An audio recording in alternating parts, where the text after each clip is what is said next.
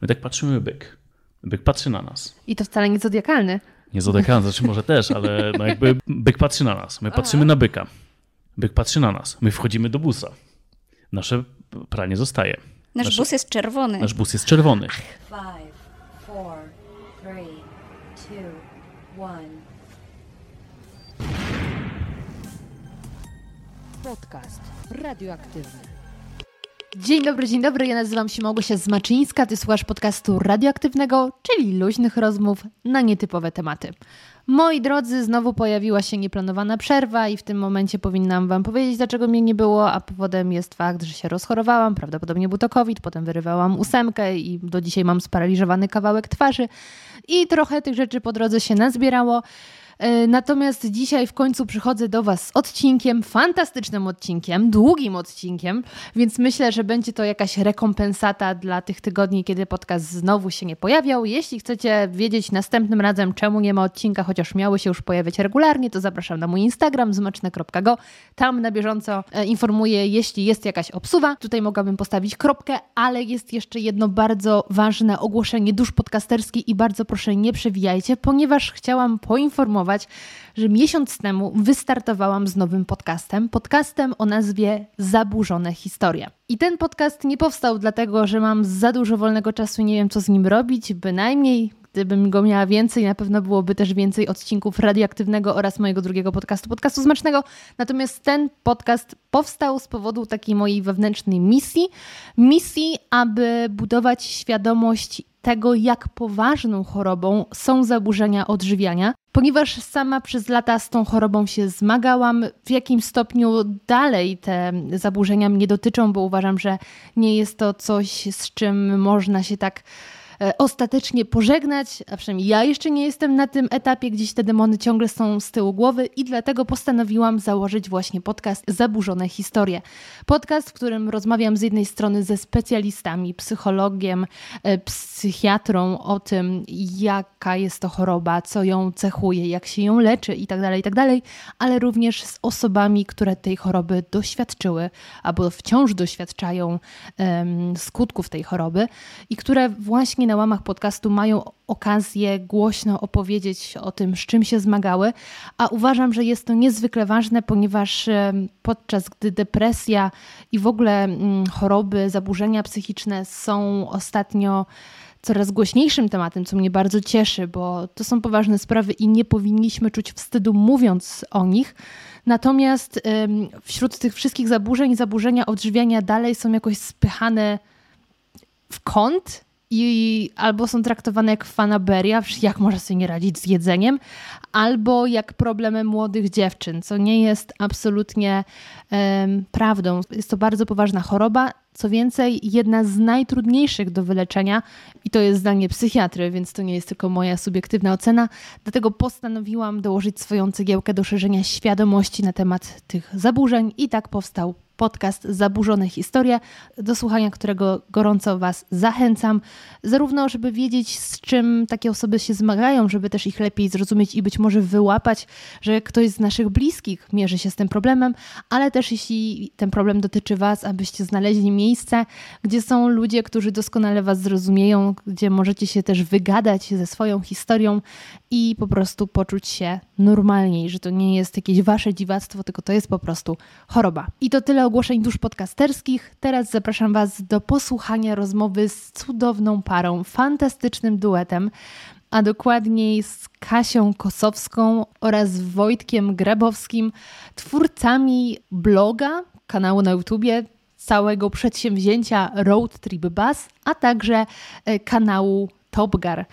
I w czasie tej rozmowy rozmawiamy o życiu busiarzy. I ja wiem, że już busiarze w radioaktywnym się pojawili, natomiast tym razem są to inni busiarze, nie ci, którzy jeżdżą na busach i w ten sposób przewożą e, towary i zarabiają na życie, ale ludzie, którzy dostosowują mm, samochody, właśnie busy, do tego, aby móc za ich pomocą podróżować po świecie, zwiedzać i przeżywać niesamowite przygody. I o wielu takich przygodach dzisiaj usłyszycie. Jest to bardzo pozytywna rozmowa, także już nie przedłużam. Gorąco zapraszam Was do posłuchania naszej rozmowy. Dzień dobry, dzień dobry moi drodzy, witam serdecznie w moich skromnych progach. Ym, bardzo się cieszę, że przyjechaliście specjalnie dla mnie. Przynajmniej tak, tak sobie mówię, że specjalnie dla mnie. Może macie jeszcze jakieś tematy do załatwienia? Nie, tak dokładnie tak było. Tak, naprawdę. Dla tych z Was, którzy y, nas nie widzą, to żebyście wiedzieli, że te dwa głosy e, więcej się już nie pojawi, łącznie będą trzy głosy. I ze mną jest Kasia oraz Wojtek z Road Trip Bus czy Road Trip Bus? Road trip bus można Jak to mówić, woli. jak się chce. Tak z amerykańskiego. Dobrze, nie ma problemu. Światowy będzie to odcinek. Jesteście ludźmi z internetu, chociaż jesteście dzisiaj na żywo, którzy opowiadają e, o swoich przygodach. Tak myślę, można to y, trochę z Kubusiem Puchatkiem fantazją jakąś pójść. O przygodach, które y, odbywacie w trasie. W trasie, w podróży. I w sumie jesteśmy w internecie, więc dalej jesteśmy ludźmi z internetu. Ty patrz, faktycznie. To my na chwilę wyszliśmy z tego, tego uniwersum. To słuchajcie, moje pierwsze pytanie na początek, zanim będziemy rozmawiali o szczegółach. Czy wy dalej macie swojego busa? Tak. Mamy. Mamy, dokładnie tak. Dlaczego pytam? Ponieważ jak przejrzałam waszego Instagrama, to ostatnie zdjęcie, na którym widać busa z zewnątrz, jest z 2019 roku. Jak można mieć y, y, Mało, zdjęć, mało zdjęć dodajemy. No ma... I to w ogóle nie ma busa. We wnętrze pewnie jego jest, ale gdzie jest bus? Nawet y, mogę powiedzieć, że mamy jeszcze drugiego busa w Stanach i też nie ma jeszcze jego zdjęć, dlatego że mieliśmy taki pomysł na, na taką podróż po Stanach, bo Stany były zawsze naszym takim wielkim marzeniem i wymyśliliśmy sobie w ogóle, że weźmiemy sobie ślub w Vegas, bo w pewnym momencie Widziałam listę, tak właśnie sobie dojdziemy. Myśleliśmy, że, a, że w sumie tak nas dopadła taka prokrastynacja, kiedy taki tradycyjny ślub planowaliśmy i, i zaczęliśmy się zastanawiać nad powodami tej prokrastynacji. Doszliśmy do wniosku, że takie tradycyjne śluby i wesela to jednak nie jest nasza bajka. No i, no i wtedy na początku zaczęliśmy tak śmieszkować, że a może ślub w Vegas. No a później zrobiłam analizę SWOT i, i wyszło, że, że naprawdę tego, że naprawdę to jest to, czego chcemy i wpadliśmy na, takie, na taki pomysł rozszerzenia jeszcze tego pomysłu, że kupimy sobie busa tam jeszcze w Stanach, no bo chcielibyśmy podróżować tak w rytmie slow, na spokojnie, a kiedy wynajmiemy samochód, to będziemy czuli presję, że za każdy dzień płacimy i, i będziemy się spieszyć. Więc odpowiadając na pytanie, nie to, że mm, pytanie, czy mamy busa, tylko ile tych busów mamy. Okej. Więc Busy są dwa. Rzeczywiście na Instagramie zdjęć busa jakiś czas już nie było, ale cały czas y, jeździliśmy nim i to jeździliśmy nim tak dość intensywnie też prywatnie, poza wyjazdami. Dopiero od grudnia zeszłego roku mamy taką osobówkę, która nie jest busem, a wcześniej... Jak To ją przyjechaliście? Tak. A wcześniej bus służył nam do jeżdżenia po bułki do sklepu też, więc, więc można było go spotkać. Zresztą e, kto mieszka w Kielcach gdzieś w okolicach naszego osiedla i nas śledzi, to często nam wysyła jakieś wiadomości, że nas widzi, że jesteśmy zaparkowani i tak dalej. Taki nowoczesny parking strzeżony. Trochę Ciągle tak. ktoś dogląda tego samochodu. Byłoby go trudno ukraść tak, żeby się nie rzucał w oczy, no bo jest dość kolorowy. E, W tym momencie od ostatnich kilku miesięcy stoi na parkingu, znaczy na parkingu, na trawniku moich rodziców, bo postanowiliśmy z racji tego, że jest to już taki dość wiekowy samochód, ma 30 lat. E, W przyszłym roku to będzie oficjalnie, według papierów za dwa lata skończy 30 lat i uznaliśmy, że nie chcemy go męczyć zimą, więc e, odstawiliśmy go całkiem. Teraz, kiedy zacznie się sezon, e, rzucimy go gdzieś tam do mechaników, żeby jeszcze sprawdzić, co trzeba sprawdzić. E, No i myślę, że wyruszymy go, postaramy się wrzucić jakieś zdjęcie na Instagrama również z busem. Super. Wy, y, jak go kupiliście, on miał ponad 300 tysięcy, 350, tak? Na liczniku miał Na liczniku, 350. a ile w Ile ma rzeczywistości? teraz? To E, ile oficjalnie ma teraz? E, Oficjalnie teraz y, będzie właśnie dochodził do pół miliona, a nieoficjalnie no to podejrzewam, że drugie tyle też może mieć, bo gdy go kupowaliśmy, to na pewno te, te 350 tysięcy licznikowe to, to była liczba troszkę mniejsza niż w rzeczywistości. 200 tysięcy busem, kiedy jeździ się po świecie, to nie jest aż tak dużo, chyba że robi się to od niedawna. Więc w którym roku zaczęła się wasza y, busiarska przygoda? I w ogóle to jest takie śmieszne, jak myślałam o tym odcinku, że u mnie już kiedyś był busiarz. e, Damian, który jeździ busem i znowu mam busiarzy, tylko trochę inaczej tego busa traktują. Więc w którym roku zaczęliście? W 2015. Zaczęło się to dlatego, że no, mieliśmy skromny studencki budżet i myśleliśmy, jak to zrobić, żeby podróżować. No i wymyśliliśmy, że takim busem no, no będzie to można zrobić taniej, bo wepchniemy tam dużo osób i podzielimy koszty paliwa i wszystkiego. I Ile w ten konserw sposób... można No zapakować? właśnie, kiedyś zapakowaliśmy 50 kilo jedzenia, kiedy jechaliśmy do Norwegii. O, Także- wiem jak jest. Ja w moim plecaczku miałam chyba ze 2 kilo, jak jechałam do, do Oslo. I ogólnie to jest też ciekawe, bo w tym momencie mamy taką modę na van life. Ona się pojawiła, no ja tak sądzę, że gdzieś w okolicach 2018, może 2019 roku. A wtedy, kiedy my kupowaliśmy tego busa, to nie myśleliśmy o tym, że o, będą fajne zdjęcia na Instagrama. e, Tylko To właśnie. z takich prozaicznych powodów, że to była dla nas taka oszczędność, optymalizacja kosztów, bo busa też traktujemy jako nasze miejsce noclegowe, bo wiadomo, że noclegi też jest, stanowią duży udział w kosztach podróży. Pierwsza podróż 2015 rok. y, Wszystkie noclegi z wyjątkiem jednego na dziko. A to był w Polsce? E, Nie, no to była podróż na Gibraltar. A, a no tak, Tak, małpy. pierwsze, rzuciliśmy się od razu na głęboką wodę. To był nasz pierwszy samochód, nie mieliśmy wcześniej samochodu, nie mieliśmy żadnych umiejętności mechanicznych i też nie podróżowaliśmy za dużo, bo Kasia była przed tym wyjazdem chyba raz za granicą, dwa razy Na trzy dni. na trzy dni. Ja byłem w, w dwóch krajach. To były te czasy, kiedy jeszcze trzeba było płacić za internet w telefonie za granicą w Unii Europejskiej, więc też nie było czegoś takiego, że sobie spytamy wujka Google, bo wiedzieliśmy, że każde połączenie się z internetem no to będzie jakby duży koszt. I rzuciliśmy się tak trochę na głęboką wodę. Ten Gibraltar wybraliśmy też tak trochę przypadkowo, bo jakby kiedy się poznaliśmy, zaczęliśmy rozmawiać, wyszło, że oboje chcielibyśmy podróżować. Mm, Wpadliśmy na, na początku na taki plan minimum, że pożyczymy od mamy Kasi samochód osobowy, weźmiemy namioty i w wakacje sobie zrobimy taki trip po trzech stolicach.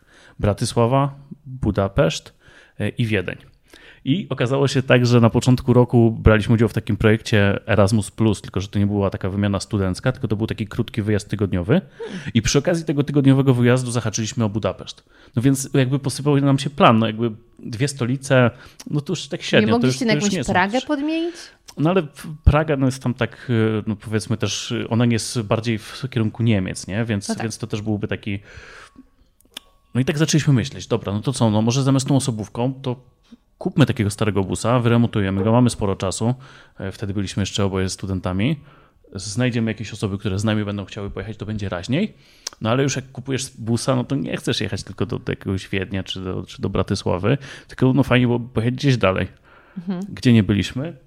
W No, Hiszpanii. wszędzie. Wszędzie, wszędzie nie byliśmy, ale A to jest tak, uznaliśmy, że chcemy sobie zobaczyć palmy. Nie widzieliśmy nigdy wcześniej e, jakby właśnie Hiszpanii. Tam, Tak, i tak po prostu ułożyliśmy tę trasę, żeby ona przebiegała przez jak najwięcej krajów, bo mieliśmy taki duży apetyt, mieliśmy potrzebę takiego nadrobienia, zebrania tych podróżniczych doświadczeń jak najwięcej. Super. Ale to powiedzcie mi, y, jaki to był koszt zakupu wówczas? Y, Te czwórki, tak? Tak, T4, 94 rok według papierów, e, rejestrowana na początku roku, więc de facto 93. W, dwu, w 2015 roku kupiliśmy go za, jeśli dobrze pamiętam, 7700 zł. I to nie był też e, samochód z tych najtańszych. Udało się kupić samochód za 3-4 tysiące, który byłby w bardzo złym stanie, a on był po prostu tylko w złym. Tak, wyszliśmy z założenia, że po prostu podwyższymy budżet, który i tak był bardzo bolesny, ale że może dzięki temu unikniemy jakichś opłat po prostu wynikających z konieczności napraw. I remont ile was kosztował? E, Remont ten początkowy to zamknęliśmy chyba w dwóch tysiącach. Sporo rzeczy robiliśmy sami, więc jakby ten koszt zakupu busa to był na pewno poniżej 10 tysięcy, ale za to sama podróż była bardzo tania, bo kosztowała tylko 1900 zł na osobę. I tu już mówimy o paliwie, o opłatach drogowych, o było jedzeniu. tańsze, pamiętamy. Paliwo było tańsze, tak. czasy.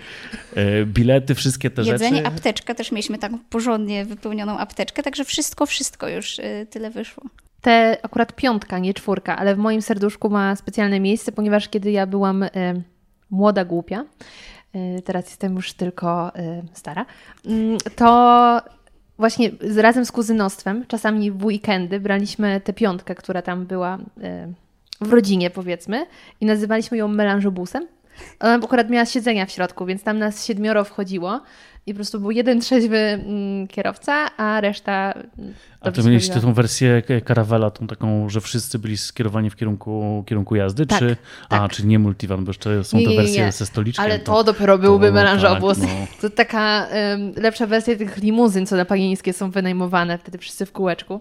No jeszcze tak jak u nas taras dachowy, który sobie zbudowaliśmy, to jeszcze można tam, tam sobie wejść. Tak. Ja zaraz chętnie właśnie Was wypytam o ten remont, jak jest ten samochód przystosowany, natomiast muszę powiedzieć, że mnie nigdy te podróże busami specjalnie jakoś nie interesowały. W sensie wiedziałam, że ludzie tak robią, e, ale jakoś specjalnie mi to tak y, po nocach mi się nie śniło.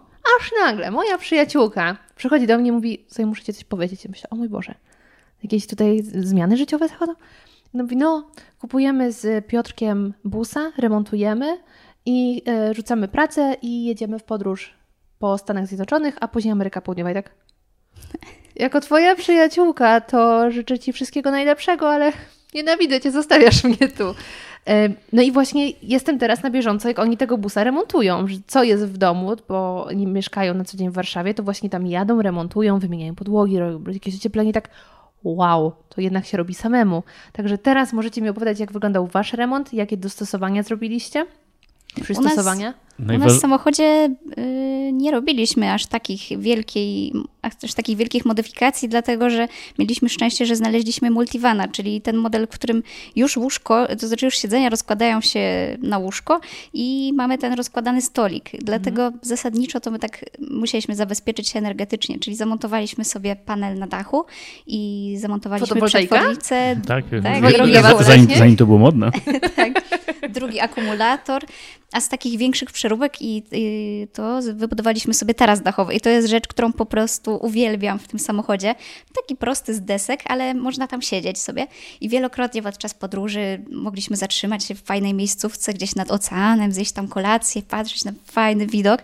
No i naprawdę ja, ja uwielbiam ten bagażnik. Zdarzyło nam się też tam spać u góry. A jeśli chodzi o takie tematy, jakby kiedy tylko kupiliśmy samochód, no to on odpalał tylko na plaka. Plak to jest y, takie, mamy tutaj takie małe lokowanie w podcaście, to jest takie coś do czyszczenia samochodu. To tam ci, którzy sprzedają te samochody zawsze je plakują. Te wszystkie stare plastiki się dzięki temu lepiej świecą. I plakiem też można psiknąć tam do silnika, jak nie odpala i on wtedy odpala. Tylko, że wtedy musisz otworzyć maskę, zdjąć e, taką rurę, psikać, a drugą osobą musi odpalać. Więc on na początku odpalał tylko na plaka. Za każdym razem? Z, za każdym razem, więc jakby e, zanim wyruszyliśmy w podróż, to musieliśmy ogarnąć takie rzeczy techniczne, że tam on też chyba nie miał hamulców z tyłu. E, Przydatne całkiem. Sporo było takich rzeczy. No ja pamiętam, że my go kupiliśmy w ogóle w komisie. Panowie, którzy nam go sprzedawali, mówili, że o, to on to zachwalał, jak taki fajny, na ryby można na weekend pojechać. A my już wtedy wiedzieliśmy, gdzie chcemy jechać, więc no ja sobie pomyślałem, że o, jakbyście wiedzieli, gdzie my nim jedziemy. Tak, ale właśnie musieliśmy skupić się na tych kwestiach mechanicznych, żeby go doprowadzić do takiego y, przyzwoitego stanu, żeby nas po prostu nie zawiódł.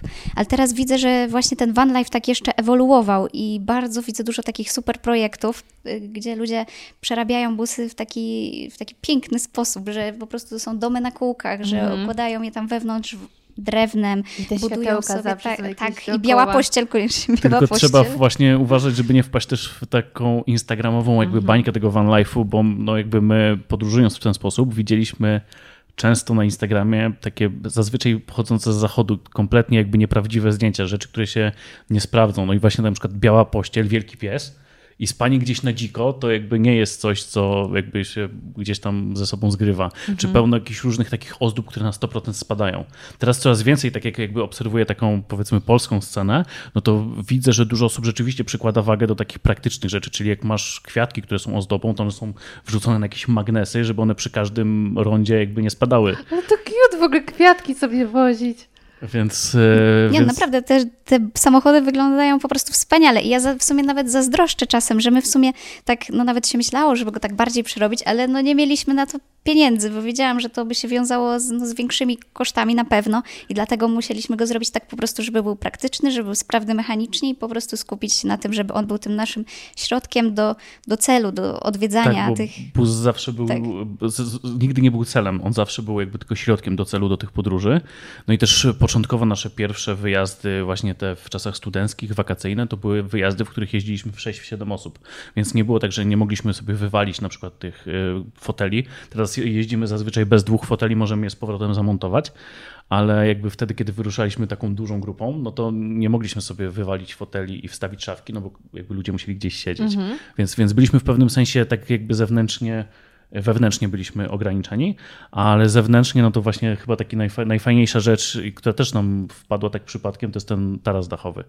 Bagażnik kupiliśmy gdzieś tam, no to był bagażnik, który służył jako taki bagażnik budowlany, a później będąc w jakimś sklepie budowlanym zauważyliśmy deski tarasowe w promocji. One były jakoś tak bardzo tanie, nie wiem, ta jedna deska kosztowała chyba 9 zł, coś takiego, czy 19 i kupiliśmy te deski, zapakowaliśmy go, no i zrobiliśmy sobie taki fajny, fajny taras dachowy. A mnie się jeszcze przypomniało, że mamy też szufladę na, na rzeczy. A tak, no to trochę, tak, trochę rzeczy tak y, mamy, no, na przykład właśnie no, między innymi, żeby tam dość dobrze mm, gospodarować tym miejscem, które mamy, więc jakieś szuflady, takie schowki, to, to są takie rzeczy porobione, ale bus nie jest przerobiony tak powiedzmy, jego wnętrze nie jest takie super, super instagramowe w e, takim wydaniu powiedzmy takim cukierkowo nieprawdziwym. Chcielibyśmy, żeby wyglądał trochę lepiej, może e, trochę go podrasujemy, ale ogólnie no to jakby spełnia swoje zadanie w 100% i my przede wszystkim właśnie zawsze kładliśmy nacisk na te aspekty praktyczne. A czy przez moment nie przeszło wam, przeszła wam przez głowę taka myśl, że okej, busiku, byłeś super, fajnie nam się jeździło, założyliśmy dzięki y, tobie bloga, ale może jednak kamper. Nie myśleliście, żeby się na przykład gdzieś kiedyś na kampera przerzucić? myśleliśmy, to znaczy bardziej Wojtek myślał, bo jakoś tak bus był dla mnie taki bardziej taki romantyczny, czułam w nim takiego ducha przygody rzeczywiście, że się zatrzymujemy gdzieś na dziko w jakimś takim y, miejscu, czasem przypałowym, a kamper mi się już tak kojarzył, że to jest... Niemieccy turyści, emeryci. Tak. Ale później, tak, ale tak. później było tak, że jakby to Tylko, zazwyczaj... że, no, w po, podróży potem były takie rzeczywiście problemy, że że o, tu czasami... złe miejsce, bo nie ma łazienki, a tam miejsce super, nie? I na przykład mi nie, powiedzmy nie przeszkadzało to, że jakby Albo czasami, nie ma... kiedy na przykład kąpaliśmy się w strumieniu, potem okazało się, że w tym czasie pod naszą nieobecność byk nam na przykład nasze pranie y, gdzieś No. z, Gdzie tego byka? Rumuńska przygoda z bykiem. E, Było tak, że w naszej podróży w 2018 roku, no bo to właśnie nakreślmy jeszcze wszystkim naszym e, słuchaczom. E, Pierwsze nasze podróże to były takie podróże miesięczne w okresach studenckich, czyli to był 2015 rok Gibraltar, Europa Południowo-Zachodnia, 2016 e, Nordkap, przylądek północny, czyli głównie Norwegia, Finlandia, Skandynawia. A e, w jakiej porze roku tam byliście? E, Zawsze jeździliśmy w e, lipcu, w sierpniu, bo Aha. wtedy mieliśmy wakacje. No to to jest dobry czas na Skandynawię. Tak. E, 2017 Bałkany, 40 dni. Tam objechanie w zasadzie całych Bałkanów, Grecja, powrót przez, przez Mołdawię, czyli też już tak trochę nie Bałkany. No i 2018 nasz największy wyjazd, wyjazd, w którym braliśmy już udział tylko my we dwoje. 100 dni dookoła Europy. I podczas tego wyjazdu. Eurotrip. Tak, Eurotrip. E, w- Kiedy to był taki długi, bo tam odwiedzaliśmy miejsca, które odwiedziliśmy też wcześniej, czyli to też był m.in. Gi- Gibraltar, Hiszpania, ale też Ukraina, Czarnobyl, Mołdawia. E, No i wracając, zaczynaliśmy właśnie w kierunku zgodnym ze wskazówkami, e, zgodnym z Zegarem. ruchem zegarem, tak? E, Więc zaczynaliśmy od Czarnobyla, e, Ukrainy, Mołdawii. Później, e, no właśnie tutaj te tematy rumuńskie. No i w Rumunii, e, niedaleko granicy z Ukrainą, w górach, fajna miejscówka, znaleziona przez nas bardzo trudny dojazd. Mm, Dojeżdżamy i tam wszystko rozwalone, taki straszny syf. I mówimy, kurczę, no co to ludzie 4 na 4 no bo to na... No ludzie nie umieją się zachować. No co, oni, dlaczego muszą tak wszystko zawsze zdewastować? Eleganckie były ławeczki, altanka i I wszystko. to nie była taka miejscówka, powiedzmy, w parku gdzieś w okolicach miasta, tylko to było rzeczywiście z grupy y, samochodów 4x4 znaleziona miejscówka, więc to już było takie miejsce, o którym musisz wiedzieć, żeby tam dotrzeć. Nie, Jakby nie docierasz tam przypadkiem, nie jest tak, że sobie idziesz. Więc Tak, i było tam ciężko dotrzeć. Trasa była taka rzeczywiście bardziej pod terenówki i przez to nam się rozszczelnił baniak z wodą i nam zalał po prostu wszystkie rzeczy i dlatego musieliśmy je potem rozwiesić na sznurku. Tak, one sobie schły, one były czyste, nawet ich nie praliśmy. Mm, No i no, wieczorem popatrzyliśmy, kurde, no szkoda, że taki syf, takie ładne miejsce, tu rozwalona jakaś ławka leży i tak dalej. Rano poszliśmy e, myć się w strumieniu, był fajny strumień. Mm, tak to jest właśnie, dopiero romantyczne. super, Nie, super miejscowa w ogóle, właśnie tak jakby mega odludzie, jakieś tam najbliższa wioska kilkanaście kilometrów dalej. Mm. No i słyszymy takie uuu. Kurczę, no co, niedźwiedź chyba nie. No to, to, no ale to, dobra, no, słyszymy to takie uuu, no to kończymy to mycie w strumieniu. Idziemy do busa i coraz mocniej słyszymy to, to, to, to wycie i tak się zastanawiałem, co to będzie za zwierzę. No dobra, trzeba było się pomału zwijać, więc już zwinęliśmy większość rzeczy i te nasze rzeczy, które się suszyły jeszcze na sznurku, zostały. My tak patrzymy, byk. Byk patrzy na nas. I to wcale nie zodiakalny. Nie zodekan, znaczy może też, ale no jakby byk patrzy na nas, my patrzymy na byka. Byk patrzy na nas, my wchodzimy do busa. Nasze pranie zostaje. Nasz nasz- bus jest czerwony. Nasz bus jest czerwony. Byk ryje nogą w ziemi. Nie wiemy, co to znaczy. Mamy książkę, w której pisze, jak sobie radzić z niedźwiedziem, jak się go spotka. Oho. Szybko szukamy, nie ma tam nic o byku. Byk wydaje z siebie dalej te dźwięki. Podchodzi coraz bliżej i podchodzi akurat do tego miejsca, gdzie stały te stoliki i ławki, i my wtedy już wiemy, że to jednak nie ludzie zachowali się jak zwierzęta, tylko zwierzęta zachowały się jak zwierzęta, Jak turyści. jak turyści, tak, zwierzęta zachowały się jak ludzie. E, No i że to ten byk rozwa- rozwalił prawdopodobnie. Tam jeszcze jeden taki stolik, który był zbity w ogóle z desek, taki ten, on, on jeszcze stał. No to ten byk wziął go na rogi i go tam trochę rozwalił. Dobra, to my w tym busie. Nasze pranie. Byk podchodzi do prania, ściąga rogiem jedną koszulkę, ściąga rogiem drugą koszulkę. A potem zaczyna gryźć Fashionista. moją sukienkę nową, specjalnie pod ten wyjazd kupioną. Po prostu sobie gryzie. No ja się trochę wkurzyłem, no bo tak większość naszych ubrań tam wisi, są czyste, znaczy były czyste, dopóki byk się z nimi nie spotkał. E, No i zacząłem, otworzyłem okno, zacząłem na niego trochę krzyczeć. Nie wiedziałem, czy to dobrze. Ale pytanie, czy krzyczałeś po rumuńsku? E, Nie, no To krzyczałem po polsku, nie krzyczałem po polsku, ale to jest bardzo dobre, jak ci ktoś zaczepia na przykład y, i coś od ciebie chce, a ty mu odpowiadasz po polsku, to jest duża szansa, że ci ktoś y, jakby da spokój. To jest bardzo Tak, to jakby... jest taki patent, y, kiedy jesteś w jakimś dziwnym miejscu, obawiasz się o, o swoje życie i po prostu ktoś cię tam zaczepia, to zaczynasz mu odpowiadać takim wkurzonym głosem po polsku po prostu. I jakąś działa. kurwą, żeby wiedział, że to Nie, jednak jest nawet polski? wiesz, Nawet jak jakby- ten ktoś nie Okej. rozumie, ale Wiesz, słyszy idź i stąd. I on już wtedy, wiesz, to już jakby, to jest coś takiego, że wtedy się nie wchodzi w dyskusję, nie? Jak ktoś do ciebie mówi Nice. po polsku gdzieś tam, nie wiem, w Turcji, w Hiszpanii, czy w Aha. jakimś innym kraju, w Norwegii cię nikt nie zaczepia. No, w- Norwegii mogą Polacy zaczepić. No, ale to wtedy odpowiadasz po polsku i też rozumieją. Też działa, faktycznie. No jak się skończyła ta historia z bykiem? To zaraz będzie historia z rumuńskimi gangsterami, bo to się wiąże jedno z drugim. To jest podcast kryminalny, wow. Ja krzyczę na tego byka, zaczynam trąbić. Ten byk patrzy na nas, ryje nogą w ziemi. To ja wtedy przestaję krzyczeć i przestaję trąbić. Zastanawiam się, jak gruba jest blacha i wiem, że bus jest ciężki. Mówię, Jakby nas atakował, to my w drugą stronę. No ale ten byk sobie na nas popatrzył i odszedł. Kiedy odszedł, no my wkurzeni wzięliśmy te rzeczy tak szybko, bez jakiegoś układania. To wszystko było tam, wiesz, zdeptane przez byka, część rzeczy przerzuta przez byka. To w ogóle było zdeptane przez byk. To nie jest normalna historia. Spakowaliśmy to, no i wkurzeni jedziemy. Ja jadę wkurzony, a tak jak Kasia wspominała wcześniej, droga tam była nie najlepsza. Aha. Duże kamienie, kilka kilometrów, no i jedziemy, jedziemy, jedziemy i nagle coś, pum! Fuck, rozwaliliśmy coś w samochodzie, coś ja rozwaliłem, bo powinienem jechać trochę wolniej. Patrzę na dół, no i nie widzę, nic tam nie leci i tak dalej, ale przy zmianie biegów słyszę takie, takie metaliczne Chrobotanie? takie chrobotanie. Jak słyszysz chrobotanie przy zmianie biegów, to znaczy, że coś jest nie tak. Ewidentnie. Zjeżdżamy, zjeżdżamy do najbliższego miasta. To jest sobota, godzina 15. Jedziemy na początku na stację paliw. To, tak jak wspominałem wcześniej, jeszcze czasy bez internetu. Ej, Nie, chociaż wtedy już był internet. Nie, 2018 już był internet. Ale zjeżdżamy do stacji, do stacji paliw i pytamy o jakiegoś mechanika. W stacji paliw mówią, że nie, no sobota, wszystko zamknięte, tu nie będzie, tam nie będzie, tam jest, ale zamknięte, zamknięte, zamknięte. Jak się pójdzie kilometr dalej tam, no to tam może być mechanik i on ma ten swój zakład przy domu, więc do niego na pewno trafimy. Bo mówią, żeby chociaż sprawdzić, czy my możemy dalej jechać, czy nie możemy jechać. Mówimy, dobra. Kasia została w busie, coś tam sobie klika w komputerze, ja mówię, ja tam pójdę. No i idę do tego mechanika, dochodzę. Tego mechanika nie ma. Ale podjeżdżają takie czarne BMki, wychodzą panowie z tatuażami na twarzach, rękach, yy, no i prawdopodobnie wszędzie. E, No i yy, mówią coś do mnie po rumuńsku. Ja im mówię po angielsku, że nie znam rumuńskiego. No i oni wtedy się tam zainteresowali, co tutaj robi i tak dalej. Ja im mówię, że turysta, byk nas zaatakował, coś nam się rozwaliło i tak dalej. Oni mówią, że tego mechanika teraz nie ma, ale ma być za godzinę. Oni mu przyjechali odebrać samochód. Ja tak na nich patrzę. Oni mówią, że nie, nasz samochód, nasz samochód, bo się zepsuł i go tu zostawiliśmy, ale to jest słaby mechanik.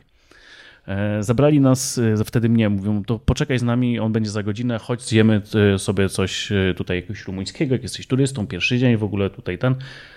No mówię, dobra, no i idziemy, wchodzimy, nie wiem na ile znasz kuchnię rumuńską, ale Średnio. ciorba to takie flaki, które są ze śmietaną, Generalnie jakby niezbyt zachęca, kiedy czytasz o tej zupie. My o niej wcześniej No czytaliśmy. ale flaczki są pyszne. Zależy jak zrobione. Moje mamy robi świetne. No, To ale, nie to, doświadczyłam ale twoja, mama ich, twoja mama ich tam nie robiła prawdopodobnie. Okej. E, Generalnie jak rozmawialiśmy z Lorkiem, to jest taki e, rumuński kucharz, który w Polsce tutaj też się dość mocno udziela i on mówił, właśnie opowiadałem mu tą historię i on mówi, że generalnie to jest zupa, której on też bardzo długo, bardzo długi czas nie lubił, Mhm. bo jest ją ciężko zrobić. Mm. Jak się e, tych flaków nie będzie gotowało w odpowiedni sposób, no to ona po prostu śmierdzi. Mhm. Ma śmietanę, jest tam taka dość ciężka. Ja wtedy w ogóle produktów mlecznych praktycznie w ogóle nie jadłem. No i oni wszyscy mówią, że e, no to my zamówimy ciorbę, to jest taka zupa tutaj nasza narodowa, musisz spróbować. Ja mówię, nie, nie, jestem głodny, nie? Nie, nie, nie, nie, wstydź się, chodź tutaj ten. No i zamawiają, zamawiamy wszyscy tą zupę, no oni zamawiają, no ja też nie mogłem odmówić, więc zamawiam. Mija parę minut i widzę kelnerkę z największymi miskami zupy, jakie w życiu widziałem. Nigdy nie widziałem tak dużych misek zupy. Myślę sobie, o ładnie, Trochę tu posiedzę. no trochę tu posiedzę. Dobra, dostajemy tą zupę. Zaczynamy jeść. Je, jem ją bardzo powoli. Biorę jedną łyżkę, biorę drugą łyżkę. No i nagle ich szef pyta mi się, jak smakuje. Ja mówię, w sumie nie wiem, jak ona powinna. Ja ją pierwszy raz, mówię, chyba dobra. I on wtedy rzuca na stół łyżkę. Jego wszyscy kompani rzucają na stół łyżki. Ja też rzucam na stół łyżkę. I on mówi, że coś tu jest nie tak w tym lokalu, wychodzimy stąd, nie? I mówi, że, że oni ją zepsuli, że, nie, że tak nie smakuje rumuńska kuchnia, żebym tego nie jadł. Byłem bardzo szczęśliwy.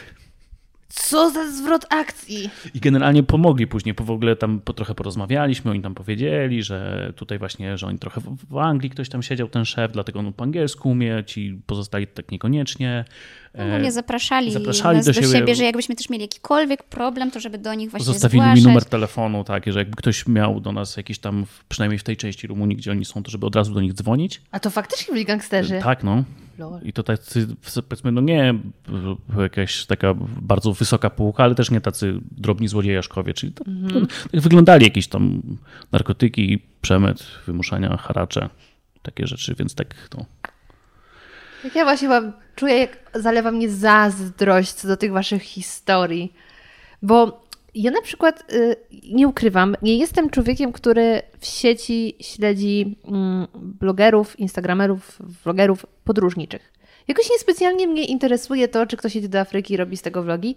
Zupełnie nie. Sama uwielbiam jeździć i patrzeć, y, zwiedzać nowe miejsca, ale niekoniecznie jak ktoś o nich powiada. Ale przez to, że tu dochodzi ten aspekt, że sam podróżujesz tym Przygoda. busem, to jest super, bo ja kocham jeździć.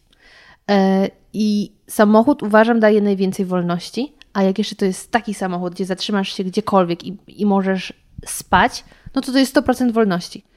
Chyba, że są ograniczenia. I właśnie tutaj chciałabym Was zapytać, jak to jest z kwestią spania w busie? Na przykład w Polsce, czy można zatrzymać się na parkingu pod Lidlem i pójść spać? Musisz sprecyzować pytanie, czy można, czy jest to legalne? Dobrze, czyli można. Można.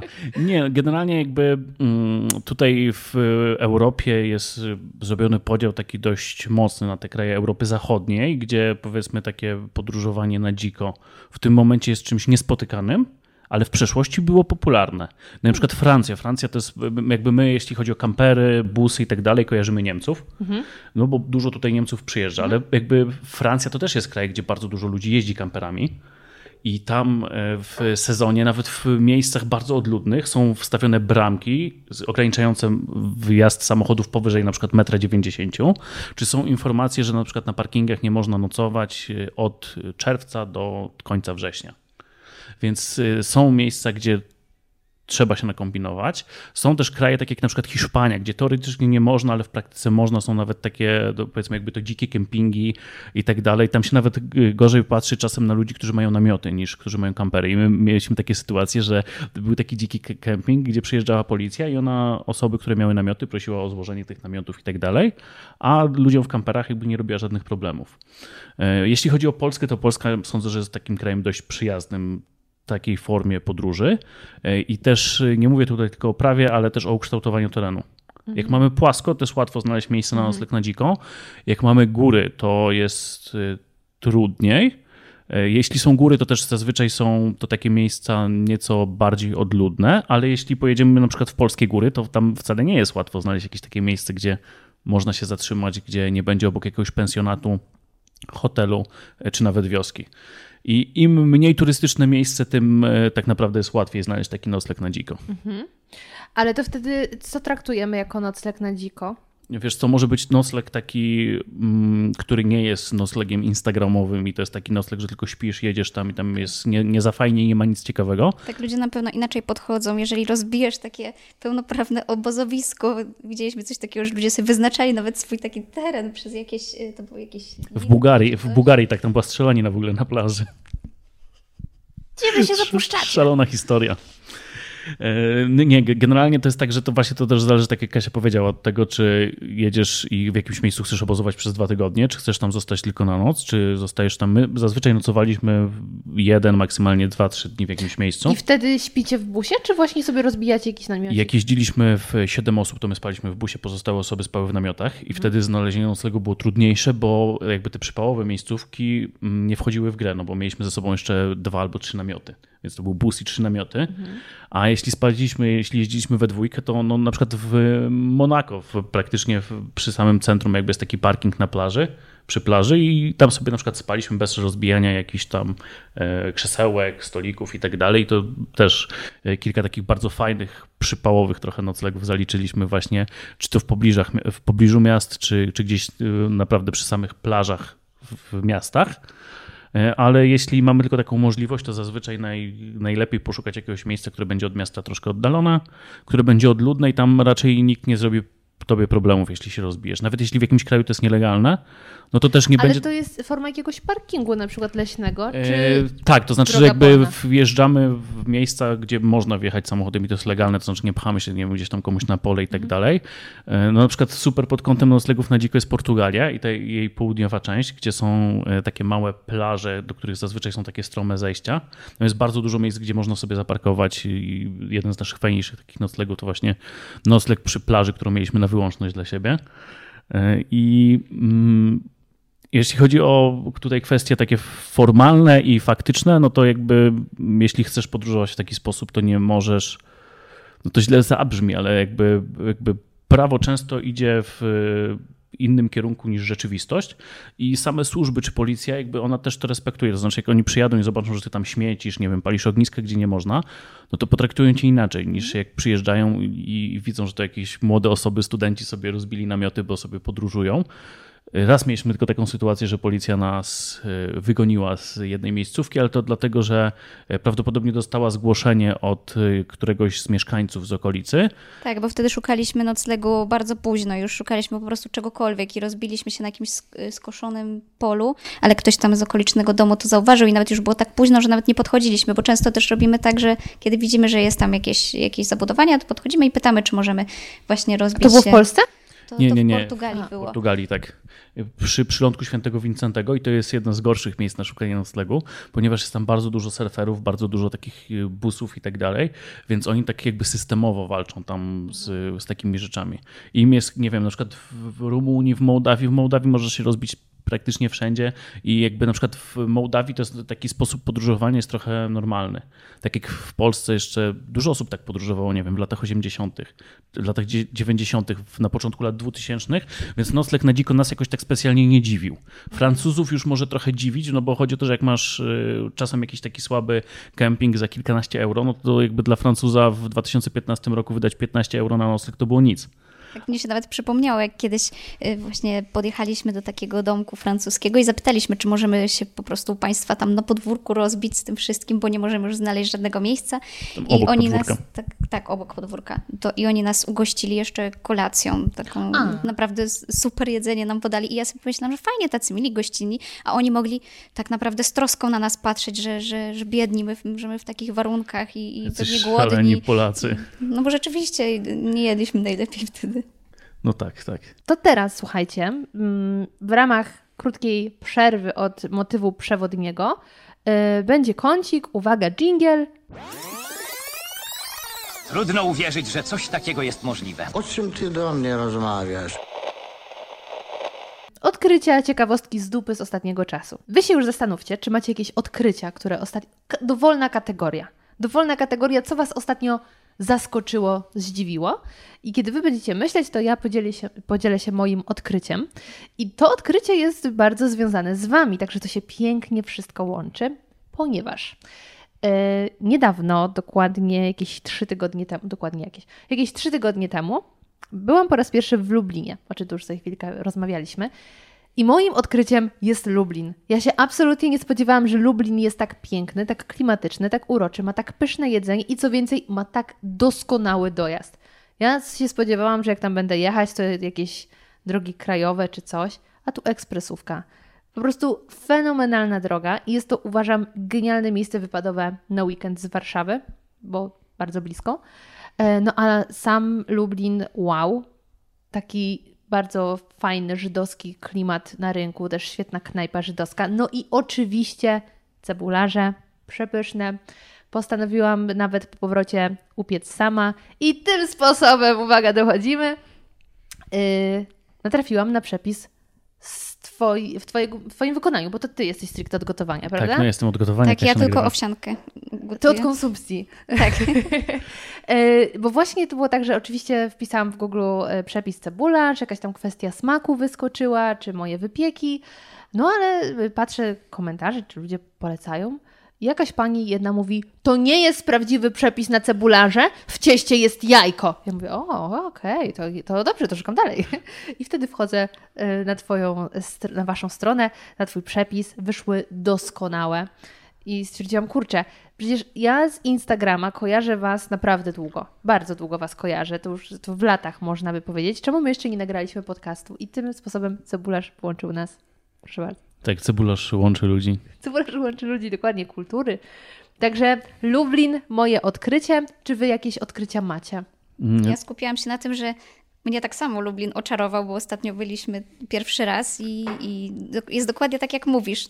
To, to, to nie jest, y, jakby twoje odczucia nie są odosobnione. Naprawdę, Lublin jest świetny, y, polecamy, każdy musi sprawdzić i, i, i że potwierdzić, że rzeczywiście tak jest, bo, bo naprawdę ma taki klimat. Tak miały być ciekawostki i to zostaniemy może w temacie Lublina i cebularzy. Aha. To jest bardzo w ogóle ciekawa sprawa, jeśli chodzi o te autentyczne lubelskie cebularze, bo w Lublinie żadna piekarnia nie, nie robi tych, orgi, tych oryginalnych cebularzy, które mają tam ten europejski znaczek i tak dalej. Cebularze są tam mega popularne. A nie jedna? Chyba jedna jest ta najstarsza. Żadna nie robi, ale sprzedają w Lublinie. I w Lublinie możesz kupić cebularze lubelskie, oryginalne, ale one są sprowadzane z piekarni spod Lublina. Tych piekarni jest Co pięć.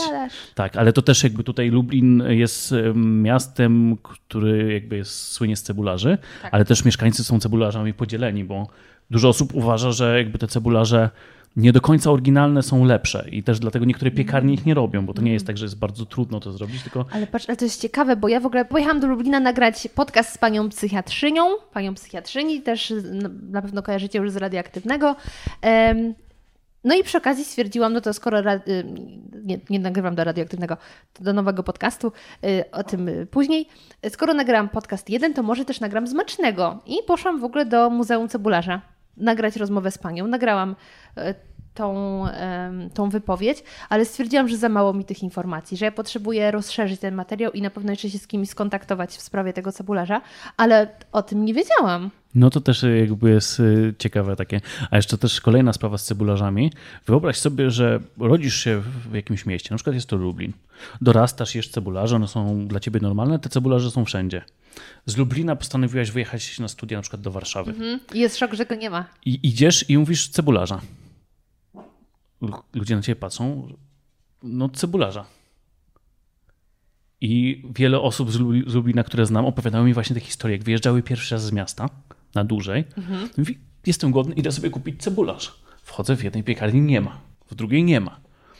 Pytam się, nie ma cebularzy, a ludzie patrzą i w ogóle jak, jak ten. I to jest też ciekawe, że jakby my kuchnię polską postrzegamy jako taką kuchnię, jakby, że w, jakby w, każdym regionie, w każdym regionie ona jest podobna i tak dalej. Nic A tak- bardziej mylnego. Tak, a właśnie no, takie rzeczy jak cebularz, na przykład my pochodzimy z województwa świętokrzyskiego i u nas cebularz jest dość popularny z modyfikacjami często, ale są jakby te regiony gdzieś tam na zacho- zachodzie, ludzie na przykład pisali, e, pamiętam komentarze gdzieś tam, że ktoś jest z zachodniopomorskiego i on nigdy nie słyszał o takim czymś.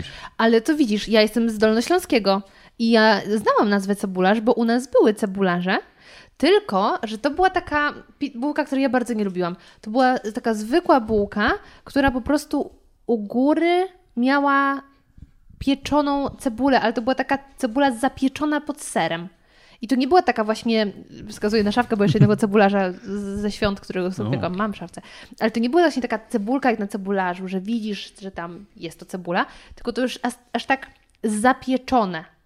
Więc my cebularze mieliśmy, nigdy ich nie lubiłam, dlatego nawet byłam w szoku, dlaczego się ludzie tym fascynują, no ale to się okazuje, że to nie był cebularz. No a wiesz, że w Szczecinie wrzucają frytki do kebaba? Wiem, byłam w Szczecinie, to też było moje odkrycie. Yy, No ale tak, to jak yy, kuchnia w Polsce jest zróżnicowana, to jest fascynujące i nie przestaje mnie zadziwiać. I znowu, jesteśmy świeżo po yy, Wielkanocy, kolejne odkrycie. Jaki był mój szok, jak wrzuciłam na stories informację, że tam y, krójcie jak najcieńszą, y, no jak najładniejszą kostkę, ogórki kiszone i cebulę do sałatki jarzynowej, żeby mama nie krzyczała. I tak nagle, Ogórki kiszone? nie, ludzie tak, jak cebula? Ja mówię, a jak nie? I nagle się okazuje, że ludzie nie dają cebuli do sałatki jarzynowej. Jest takie, jak ja mam czuć się częścią wspólnoty, jak tyle rzeczy nas różni, nie? I ludzie dają zamiast tego jabłko i cukier. Jest takie, nie, nie idźmy tą drogą. Więc ym, różnimy się. Tak, i nie widać tego na pierwszy rzut oka. Nie a widać. tak jak się później tak Ale właśnie żyjesz w tej bańce, nie? Myślisz sobie, to jest sałatka jarzynowa. Wystarczy porozmawiać z ludźmi, z którymi całe życie się nie znałeś, nagle oni dają groszek. Jak wy jecie sałatkę jarzynową? bez groszku. Z jabłkiem? Tak. Z jabłkiem, tak. Dlaczego? A racuchy na słono czy na słodko? Racuchy na słodko. Ale wiesz, że na słono też ludzie jedzą. Ale takie drożdżowe? Oryginalne racuchy? No, no dla niektórych oryginalne to będą te na, e, na słono. Ale no, na słono, ale y, dla mnie racuch odróżnia od placka to, że racuch jest z ciasta drożdżowego. Dobra, wkraczamy w trudne tematy. I ogórki kiszone, w ogóle myślałem, że jak mówiłeś o ogórkach kiszonych, to No. jest tak, ogórki kiszone, kwaszone, korniszony, ogórki korniszone, konserwowe. I to jest też śmieszne, bo mamy tutaj takich znajomych właśnie w Warszawie, którzy mają firmę badawczą, pracują w firmie badawczej i zajmowali się... Badają co? z- Badają opinię publiczną, badają różne takie tematy, no generalnie taki powiedzmy cebos, tylko trochę mniejszy. I zajęli się tematem y, kulinariów. Jak ludzie piją, jak ludzie jedzą, jak ludzie nazywają różne produkty. No i tutaj z tymi ogórkami to już jest y, tak trochę, nie wiem, czy miałeś okazję oglądać serial Dark Netflixa. Y, nie wiem, tylko że jest. Ale to jest taki serial, gdzie tam później każdy jest szalony. synem każdego i tak dalej i zaczynasz, Modern się, sukces, zaczynasz no się wiem. gubić.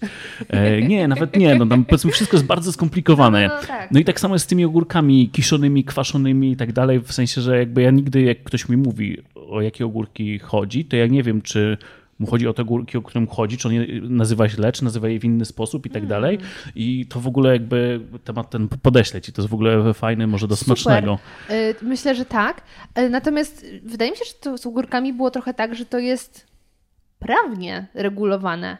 Tylko wiesz, jakby prawnie jest regulowane, ale w, jakby tu, kto, kto w domu przestrzega prawa, to znaczy wiesz, kogoś babcia tak nazywała ogórki, No, a babcia na, babcia na Podkarpaciu mówiła inaczej, a w Szczecinie mówiła inaczej. No tak. I często jest tak właśnie, że jakby na te same ogórki jest kilka różnych y, Mhm. ok- określeń. Ja na przykład y, korniszony, znam określenie, ale ogórki korniszone nigdy nikt nie mówił, żeby podać ogórki korniszone. Ja się dowiedziałem z tego badania, że w ogóle funkcjonuje coś takiego jak ogórki korniszone.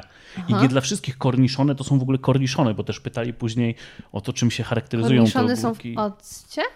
E, Widzisz, znowu, no jakby korniszony, e, korniszony to są... tak mi się z takimi małymi kojarzy jakimiś, ale to są właśnie i chodzi o to, że to w różnych jakby miejscach jest to różnie nazywane. ja umiem na pewno w małosolne, kiszone i konserwowe. To umiem to odróżnić, ale tak... tak No, a później wchodzą pikle i teraz, które z nich to O będą pikle, nie, nie? I wiesz, to. i- Ale to powiem wam, że jeśli chodzi o takie nazewnictwo, to są faktycznie rzeczy, y, z którymi nikt się ze mną nie utożsamia. To było bardzo głupie y, zdanie, ale ja używam nazw z domu wyciągniętych na konkretne produkty spożywcze i nikt tak nie mówi. Przykład. Y, W moim domu te takie, powiedzmy, donaty amerykańskie, tylko te polskie, to, jest, to nie są oponki. U nas to się nazywa obwarzanek. jak ob... obważanek to jesz w Krakowie i karmisz gołębie. To też jest obwarzanek. Znaczy jedno i drugie jest obwarzankiem, to się nie wyklucza. E, natomiast nazwa pąki jest brzydka. I u nas zawsze było obwarzanki, że się u nas piekło obwarzanki. Wiem, że co to jest krakowski obwarzanek, ale mamy y, podwójne nazewnictwo. A druga taka rzecz, to jak słyszycie zapiekanka, taka z chleba, to jaką ona ma postać? Zapiekanka z chleba. No Czyli nie tak. taka jakby Nie mówimy o y, pieczonych makaronach tak. czy coś. No pół bagietka, tak? chleb, chleb, szynka i ser. Ser jest u góry. I co dalej? No nie wiem, możesz ketchup wrzucić, co chcesz. No ale jak później wygląda obróbka termiczna? No prze- przed, jak już jest ser, to wkładasz to do piekarnika. Okej. No to ym, ja zapiekanka, czy w moim domu zapiekanka, mówi się na y, tą kanapkę z serem, którą wsadzasz do opiekacza. Do takiego, aha, yy, Takiego na takiego tosta. Takiego tosta. A ludzie na to mówią tosty. Tak. A w moim domu tosty to jest to, co ci wyskakuje z tostera. O, takie rzeczy. Takie rzeczy. Dlatego jak ja mówię, że robię zapiekanki, to ja nie mam na myśli, że w piekarniku, chociaż to też są zapiekanki, ale na pewno nie mam też na myśli tych tostów wyskakujących, a niektórzy tak. I to są takie rzeczy, że jak my mamy się dogadywać?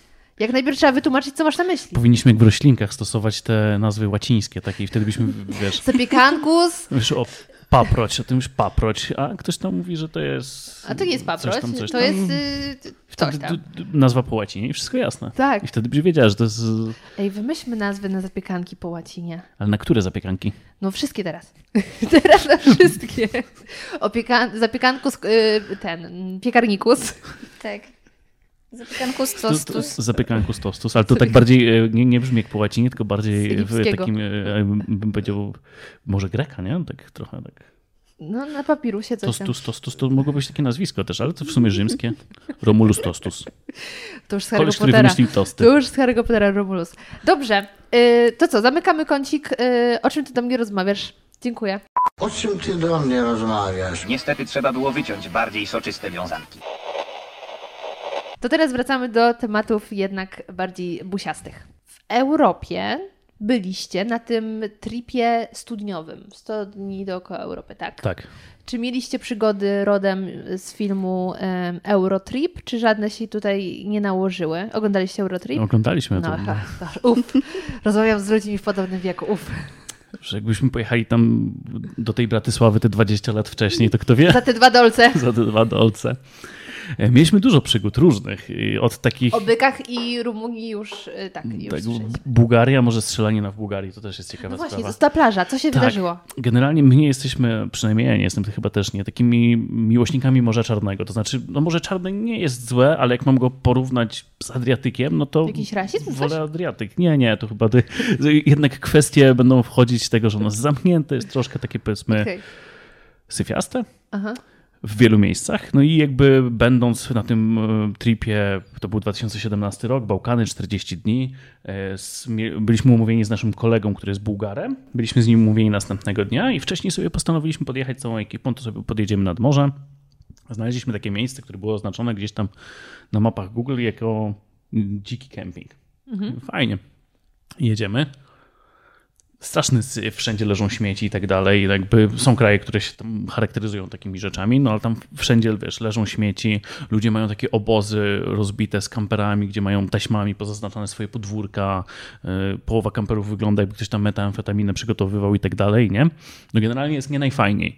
Woda, straszny syf, jakiś tam taki mu brzydko brudno, no niezbyt fajnie, no ale już tam zatrzymaliśmy się, uznaliśmy, że zostajemy na noc i rano wstajemy i jedziemy z tego miejsca. Obok była dyskoteka. Dyskoteka, bar, ciężko to jakby tak nazwać. Powiedzmy taki bar z otwartym parkietem, gdzie nie było nikogo, był, był, było, wszystko było puste. No i koło godziny 22 ci ludzie w kamperach już tam powoli gdzieś tam poszli spać, ktoś tam robi imprezę. E, Właściciel tego baru się chyba wkurzył i rozkręcił muzykę w ogóle na maksa, czyli tam po 22 no już tak dudniła, dudniła, dudniła fest. E, I tam było jakieś spięcie pomiędzy e, dwoma ludźmi, prawdopodobnie między tym właścicielem a jaką, jakąś inną osobą.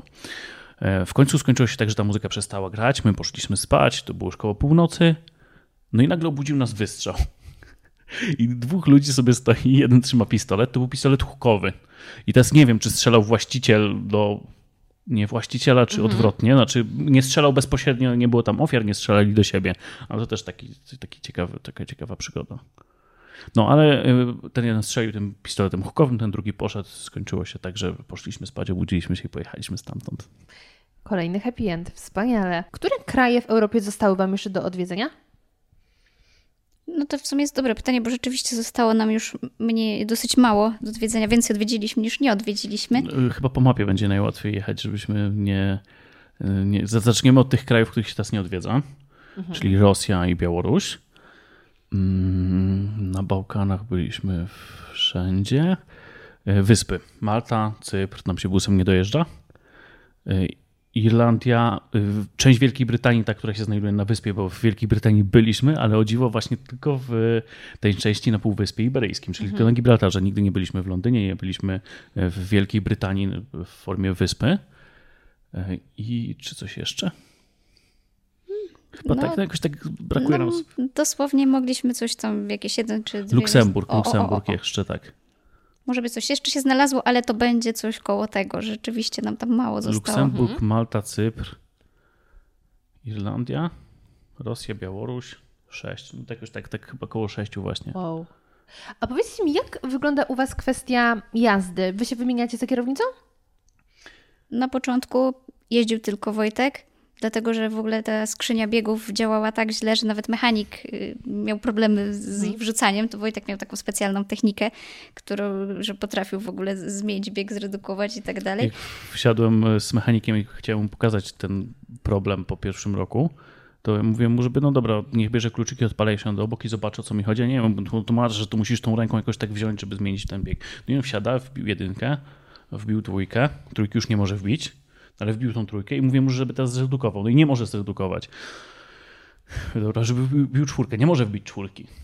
Dobra, zamieniamy się. Ja mu siadłem i pokazuję, że to musisz taki zygzaczek zrobić ręką, żeby wziąć ten. No i y, udało nam się ogarnąć tą skrzynię w końcu, co już teraz normalnie się zmienia Tak, i biegi. jaka, jaka teraz jakość, y, luksus normalnie, że skrzynia działa, ale ja jeździłam tylko po Polsce i może po Ukrainie, dlatego że po prostu kiedy widziałam te różne przepaście, nad którymi jeździliśmy, albo te góry, pod które jest ciężko podjechać naszym busem, bo nawet turbo nie mamy, No i nie mamy dostajesz. turbiny.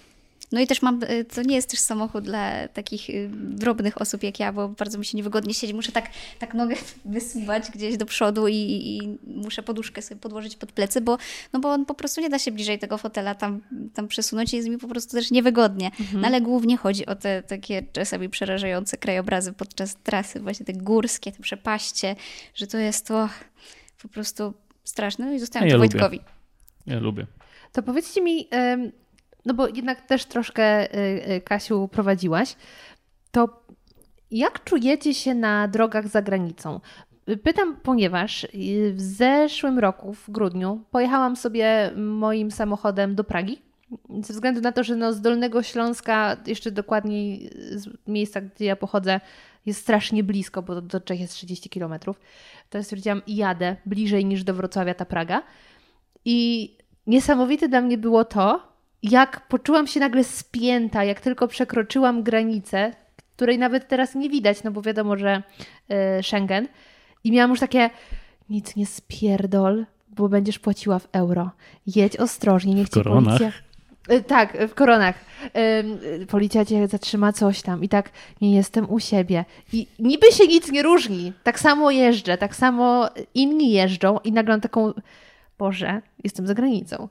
A chcę w tym roku pojechać do y, Mediolanu samochodem. Wiesz co, myślę, że to jest kwestia tego, że właśnie jak mówisz, że to był twój pierwszy wyjazd. Mhm. I jak my wtedy jechaliśmy w 2015 roku, no to jakby dla mnie No to też, też, też się zaczynaliśmy od Czech. i każde w ogóle dla nas przekroczenie kolejnej granicy było takim, takim jak jakimś punktem na czekliście, że już cieszyliśmy się, że o, kolejny sukces, kolejny sukces, udało się, nie było żadnych problemów i tak dalej. I bus się nie popsuł i w ogóle fajnie.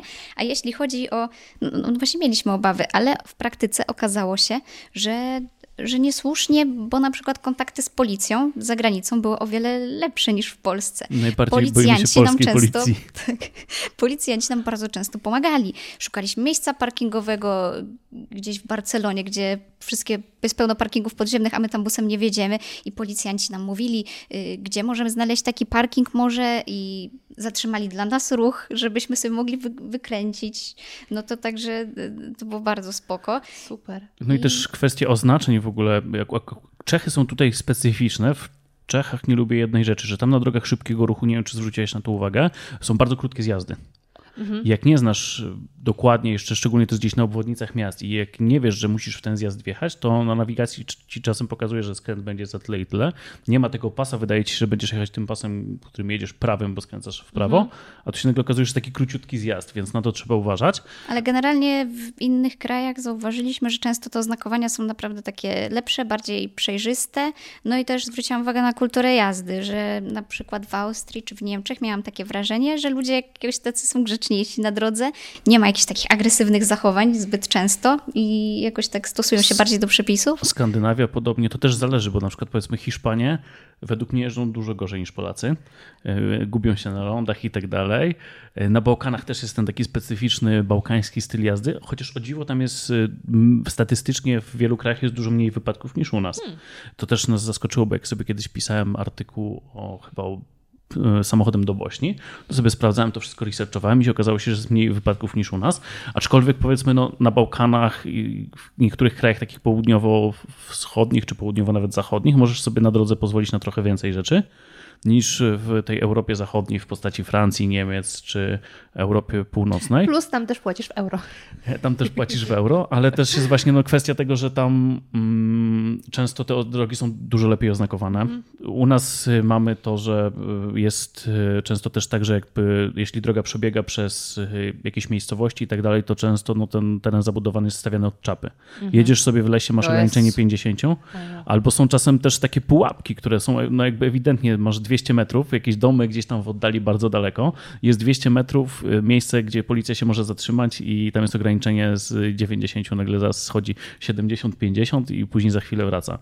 W Skandynawii, gdzie te mandaty są też bardzo wysokie, są dużo wyższe niż u nas obecnie, jechało nam się zawsze super. I tam jakby rzeczywiście, jak, jak była droga, gdzie było ograniczenie do 70, to po drodze, po zakrętach, po podjazdach było widać, że to jest y, droga, gdzie powinno się jechać 70. Jak wjeżdżaliśmy w miasteczko czy w wioskę, to ten teren zabudowany nie zaczynał się pół kilometra przed właściwym miasteczkiem, tylko rzeczywiście w samym miasteczku. I tam mieliśmy ograniczenia na przykład do 40. I rzeczywiście te 40 czy 30 czasem było jakby świetnym ograniczeniem, bo no to była prędkość, która była dostosowana do warunków. E, Ja współczuję szczerze osobom, które przyjeżdżają do Polski samochodem pod kątem tych znaków. My jesteśmy przyzwyczajeni do tego, że tych znaków jest pełno. Jeszcze w Polsce jest Tak. pełno billboardów i tak dalej. Część się uczymy ignorować, część e, się uczymy nie zauważać. Te najważniejsze znamy i się do nich stosujemy, ale jak ktoś przyjeżdża z zagranicy i ilość znaków, tych informacji okołodrogowych, no to jest chyba jedna z takich największych bolączek, jeśli chodzi o Ale to Polskę. jest ciekawe, nigdy o tym nie myślałam, chociaż absolutnie się zgadzam, że mamy mnóstwo znaków i zazwyczaj są absolutnie niepotrzebne, szczególnie ograniczenia prędkości. Ja, tak jak wspomniałam, Dolny Śląsk, u nas jest mnóstwo zakrętów, bo to już teren jest y, podgórski. I jak ja widzę te ograniczenia, one są śmieszne. W sensie, okej, to jest zakręt, ale kaman, nie trzeba w niego wjeżdżać pięćdziesiątką. Plus, no właśnie tak jak mówisz, jest dużo zakrętów, więc pewnie są lasy, są też zwierzęta i są na przykład te znaki, które ci informują, że są, uwaga, jelenie. No i na przykład dla mnie to, to jest taka informacja, że jak widzę las, to się spodziewam, że mogą być tam dzikie Tak, zwierzęta. sam wieczorem jedziesz wolniej, bo wiesz, że ci może wyskoczyć. Tak, i nie potrzebuję znaku. To, to chyba chodzi o to, że, czy na przykład ten słynny znak, że tam uwaga, kolejny. On też jakby często to jest jakby. Jesteśmy w Polsce, to jest, jakby to one są ali- To jest wszędzie. alibi, to jest alibi, bo wtedy jak ten znak jest i ty sobie coś tam zrobisz, to tak. chyba pod kątem ubezpieczeniowym to wygląda inaczej. E, Więc e, nie musisz się obawiać. Jak będziesz jechać do Mediolanu, to akurat e, będziesz startować z Warszawy czy Nie, od siebie. od siebie, czyli będziesz jechać przez, przez Niemcy, czy. Albo Niemcy, albo przez Czechy, no.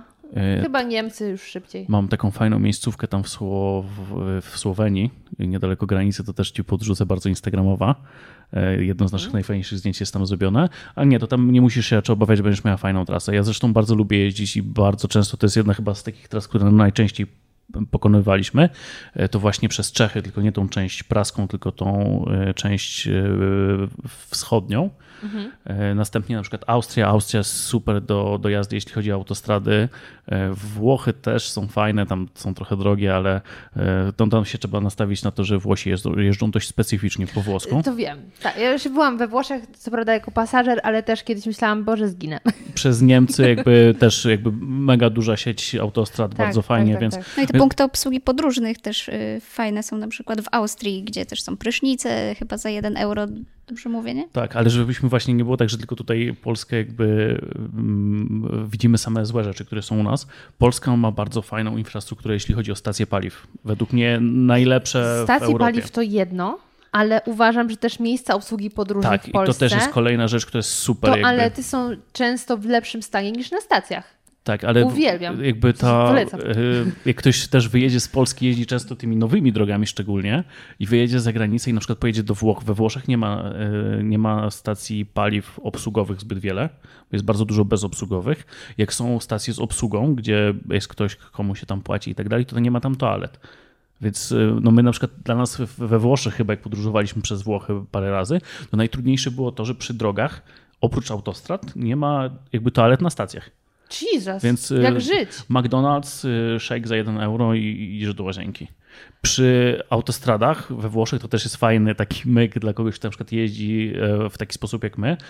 Warto wjechać na drogę płatną we Włoszech, na dość drogą autostradę, bo tam są e, właśnie zrobione coś w stylu takich miejsc obsługi podróżnych, zawsze ze stacją benzynową, z prysznicami i tak dalej. I tam na przykład prysznice są bezpłatne i w dość dobrym stanie. I wy te wszystkie też wskazówki, wasze odkrycia, doświadczenia spisujecie w tych przewodnikach, które są na blogu, tak? Tak, piszemy sporo o winietach, o jeździe samochodem w poszczególnych krajach, o przepisach, jak wyglądają w danych krajach. Tak, dużo takich praktycznych informacji i to właściwie dlatego, że no my, jak myślę, że większość osób, które wcześniej nie podróżowały, mieliśmy dużo różnych obaw, jak to będzie za granicą. I po prostu im więcej informacji przed wyjazdem zgromadzisz, jak wygląda to, jak wygląda, czy trzeba winiety, jak wyglądają tam przepisy i tak dalej, tym bardziej pewnie się czujesz za granicą, mniej się boisz i, i dlatego chcieliśmy tak pomagać ludziom, kiedy my zebraliśmy jakieś doświadczenia, żeby po prostu się z nimi tym podzielić, żeby oni się mniej stresowali. Jednym z naszych takich pierwszych artykułów to było to, jak wygląda procedura przejścia granicy z Ukrainą, gdzie masz, teraz już y, to inaczej wygląda, ale, ale wcześniej Teraz wszędzie cyrylica. Nie, dużo w dwie różnych budek. normalnie.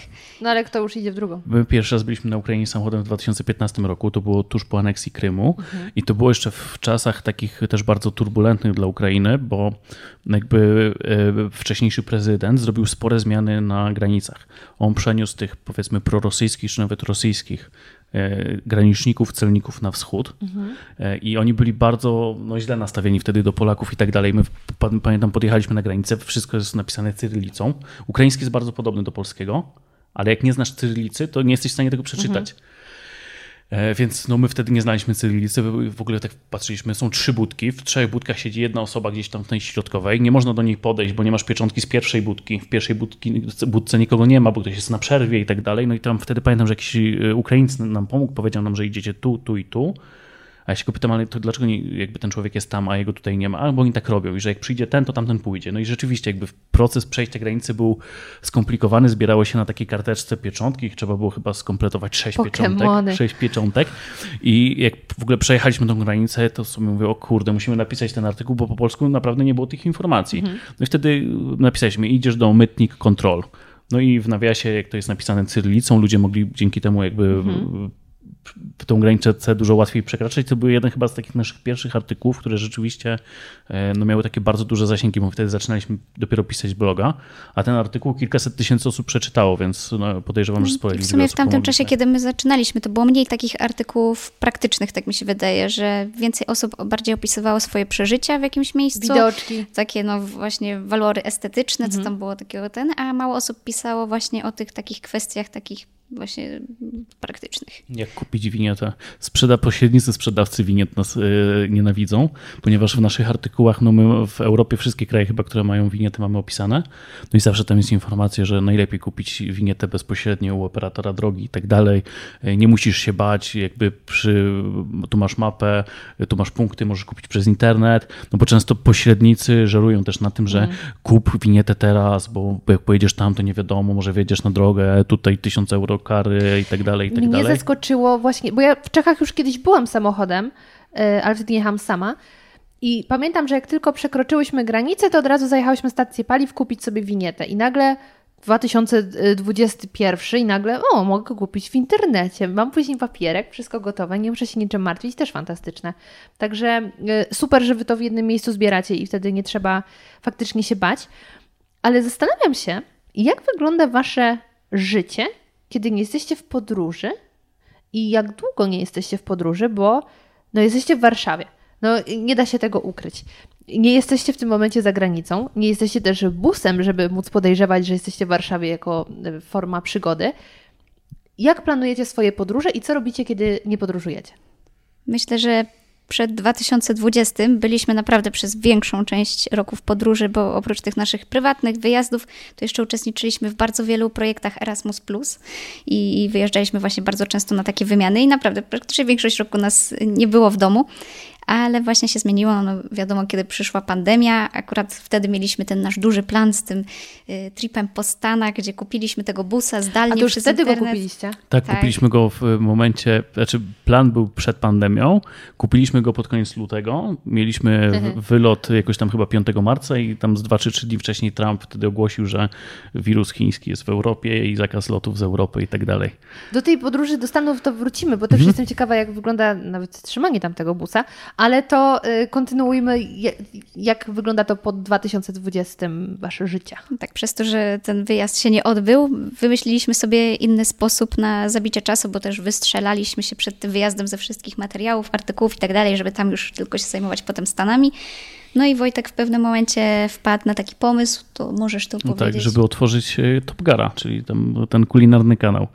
E, w- Przed 2020 rokiem właśnie nawet mamy statystyki gdzieś tam na stronie. Wiem, że chyba w 2019 roku byliśmy w podróży 100 dni z hakiem, więc no to był jakby jedna trzecia roku to była podróż. W 2020 roku, kiedy mieliśmy zaplanowane te Stany, w cały materiał, jaki mieliśmy z Europy, jakby wrzuciliśmy na bloga, już nie chcieliśmy jakby, mm, żeby nam coś zalegało pod tym kątem, żeby później nie mieszać tego kontentu amerykańskiego i europejskiego. No i wyszło, że do tych Stanów nie jedziemy. To był e, ten marzec, kiedy mieliśmy wyjeżdżać. To był okres tego takiego twardego lockdownu. Pamiętasz, to w Warszawie e, byliśmy wtedy w telewizji i pamiętam, że jak dojeżdżaliśmy do tej telewizji, to dojechaliśmy do niej godzinę wcześniej, bo sobie wliczyliśmy korki, które zawsze były. A tam jechaliśmy na każdych światłach, byliśmy pierwsi. Nie było, no jakby nie było żywej Tak. duszy na ulicy. Ludzie siedzieli w domach. My od jakiegoś czasu mieliśmy już taką serię Kuchnie Świata na blogu, chyba już nawet ze dwa lata to prowadziliśmy. No i wtedy pamiętam, że zapytałem ludzi, czy no, normalnie wrzucaliśmy mniej więcej jeden przepis na miesiąc, jeden przepis na, na półtorej miesiąca. Zapytałem ludzi, no, wszyscy siedzą w domach, Każdemu się nudzi, bo to też były te czasy, kiedy jeszcze firmy nie pracowały, tylko to było na takiej zasadzie, Tak, idziesz, tak. idziesz do domu, jakby jest wirus, koniec, giniemy. Yy, I no, ludzie siedzieli w domu, nie mieli co robić. Zapytałem, czy chcielibyście, żeby te przepisy może publikować, nie wiem, raz w tygodniu. Ludzie napisali w ogóle, że super pomysł i tak dalej. Nudzi nam się, dawaj te przepisy często. No ja wtedy sobie pomyślałem, to był dokładnie 31 marca, wiem, bo wtedy założyłem też kanał, yy, że zapytam ludzi, a może byście chcieli wideo? Mieliśmy trochę sprzętu, mieliśmy trochę umiejętności. Przed Stanami się dość mocno zaopatrzyliśmy też pod, pod, właśnie pod kątem tego, żeby nagrywać tam vlogi. I może byście chcieli wideo. Ludzie powiedzieli, że no w sumie czemu nie? No i było tak, że zaczęliśmy nagrywać wideo. No to nie ma tego złego, co by na dobre nie wyszło, bo kanał świetnie żre. No tak, jest y, jakby w tym momencie częściej nas ludzie kojarzą, ale to też może y, mnie bezpośrednio z kanałem niż z podróżami, ale to też dlatego, że jakby, no jakby na każdym filmie widać moją osobę, więc jak ludzie mnie widzą i ktoś oglądał moich 10 odcinków czy 20, no to nie ma często wątpliwości, wątpliwości że ja to ja. W przypadku Tak, busa... bo jeśli chodzi o bloga, no to mamy więcej wyświetleń niż na Topgarze na kanale, ale my rzadko kiedy dawaliśmy pod swoje zdjęcia jednak do artykułów i to przez to można nas tak nie kojarzyć z wyglądu. Do... Częściej nas ludzie zaczepiają, na przykład, jak nie wiem, gdzieś y, wychodzimy na jakiś szlak, jakieś miejsce turystyczne i tak dalej, wysi- wysiadamy na przykład sobie z busa, wychodzimy na szlak, później ktoś podbija i mówi, że przepraszam, przepraszam, on tu widział busa i tak dalej i ten.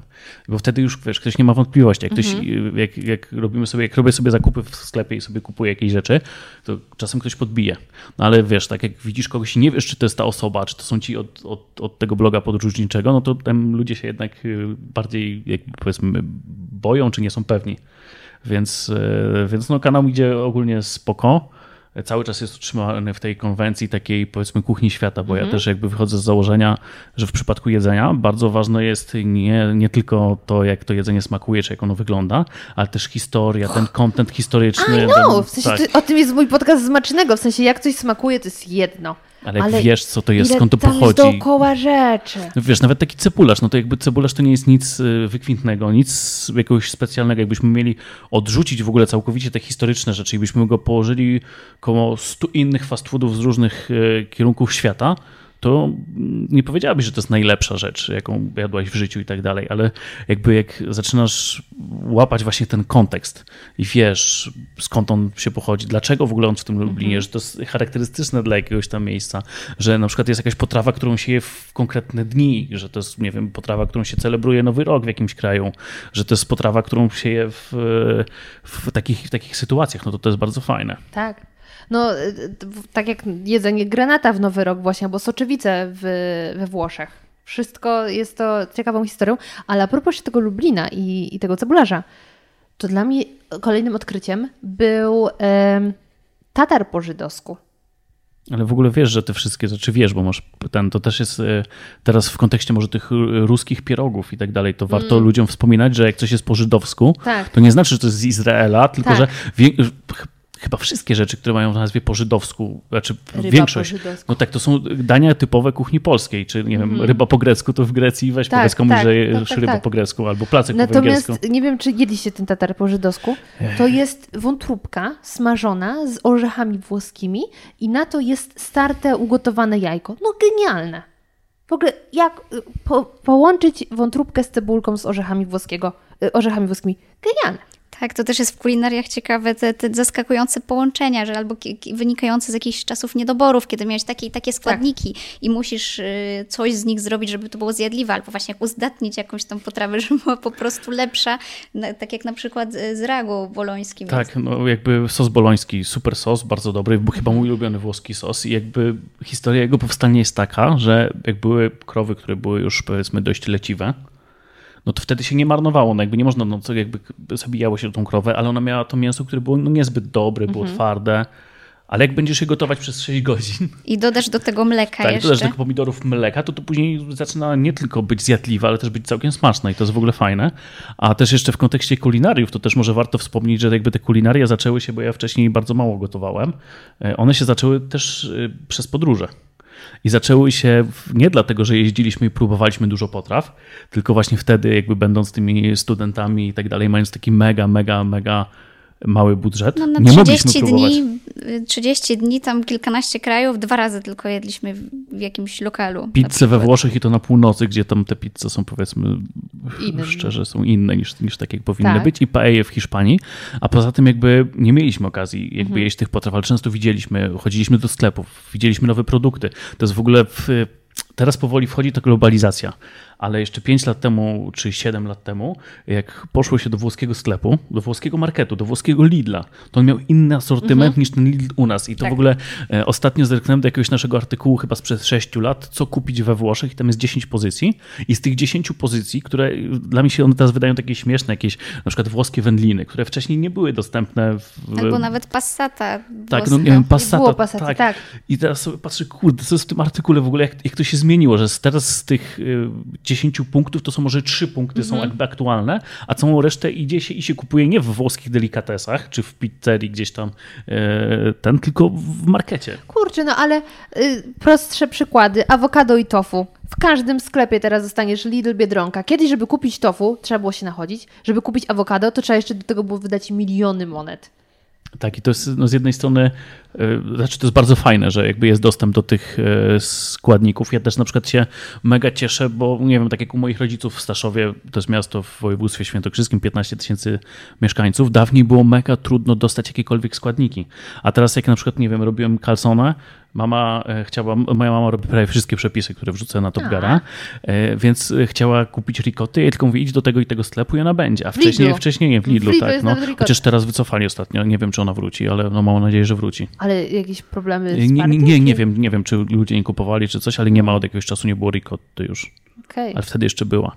To były czasy. Tak, ale wiesz, nawet deskaserów Lidla, no to jakby, e, nie wiem, w, w jakimś jest. tam Pecorino i tak dalej, no to nie wydaje się, jak, jak wiesz, jeszcze jak mieszkasz w większym mieście, czy to w Warszawie, to już w ogóle, ale powiedzmy tutaj, nawet w Kielcach, no to nie wydaje się jako coś niedostępnego, ale w takich małych miejscowościach, no to powiedzmy w Staszowie dawniej się dało kupić maksymalnie cheddar. I to też ten cheddar tak jeden, tak, a teraz idziesz, wybierasz 12-miesięczny, 24-miesięczny, no to to jest jakby super. A w kontekście właśnie gotowania, no to to było, to nas motywowało do tego, że często jechaliśmy do jakiegoś kraju i nie mogliśmy spróbować jakichś rzeczy i później szukaliśmy gdzieś przepisów, staraliśmy się odtworzyć i tak dalej. Z czasem jak ten nasz budżet się zwiększał, no bo on też naturalnie był coraz większy, to było już super, jak mogliśmy jechać y, w podróż, i kupowaliśmy rzeczy jakby lokalne w marketach. Tak, no i czasem też na Erasmusach poznawaliśmy trochę tej kuchni i też przez to, że tam zyskaliśmy sporo znajomości zagranicznych, to, to też mieliśmy łatwiej weryfikować jakieś tam rzeczy, mogliśmy zapytać tych osób, jak to się u nich je i tak dalej, i tak dalej. Super. Y, no dobra, czyli tak, czyli wybuchła pandemia, powstał kanał. Tak, powstał Topgar, zapraszamy. Zacząłeś kuchcić. Ale czy Pandemia nie sprawiła, że na przykład stwierdziliście, dobra, to może odkryjmy więcej Polski? To jest trudne pytanie. Znaczy... Bo na przykład, y, y, żeby Przejrzałam stronę, nie znalazłam żadnych y, przewodników po Dolnym Śląsku. My generalnie mało pisaliśmy o Polsce, głównie o województwie świętokrzyskim, tak. naszych tak. rodzinnych stronach. E, wiesz co, jak, jak, się jakby pandemia wybuchła i później tak troszkę powiedzmy ucichła, że już można było podróżować, to wszyscy się rzucili na tą Polskę. Mhm. I rzucili się pod kątem też jakby pisania. I uznaliśmy, że jakby my zawsze wychodziliśmy z założenia, że tworzymy rzeczy, których nie ma. I widzieliśmy, że jakby, te, jakby ta Polska zaczyna być coraz mocniej opisywana. Nie chcieliśmy jakby odkrywać odkrytego. I e, no dlatego też się też... okazało, że Top Gear nam po prostu dużo czasu pochłania i, i, i też przez to trochę musieliśmy ograniczyć podróże ale też prowadząc jakby bloga podróżniczego, mhm. my też e, staramy się jakby, bo często jakby nasze wyjazdy dzielimy na takie, e, wydaje się jakby z boku, że prowadzenie bloga podróżniczego to jest super, bo się tylko podróżuje, jest fajnie i tak dalej. Pisać, najgorzej. Tak, ale no jak, mamy, jak, jak jedziemy gdzieś i mamy, wiemy, że mamy do zrobienia content, jak chcemy zrobić jakieś przewodniki na przykład w jakimś mieście, to jest naprawdę bardzo dużo przygotowywania się i to jest też dość ciężkie. Tak, Więc... bo to trzeba naprawdę kawał miejsc odwiedzić, albo żeby zrobić tak. ranking 10 miejsc, które trzeba odwiedzić w jakimś mieście, no to trzeba ich odwiedzić odwiedzić znacznie więcej, żeby porównać, Oczywiście, które są rzeczywiście tak. najlepsze. Więc my też e, teraz staramy się dzielić takie wyjazdy na takie, w których jakby wiemy, że na przykład jak nie, nie będziemy robić artykułu. To jest w ogóle jakby super pod takim kątem powiedzmy odpoczynku, że wtedy rzeczywiście tak możemy podróżować, podróżować. Więc też nie staramy się jakby na siłę robić tego kontentu jak najwięcej. Tak jeszcze z pięć lat temu to byliśmy bardzo uzależnieni od tego, że też jakby zawsze, ja, już, ja nawet ograniczałem się w ten sposób, że czasem do jakiegoś miejsca nie zabierałem specjalnie aparatu. Mówię, nie będę brał aparatu, to mnie nie będzie będzie kusić. Nie piszemy mm. artykułu na ten temat, nie bierzemy aparatu, będzie fajnie i wtedy no i wtedy jakby właśnie nie kusiło.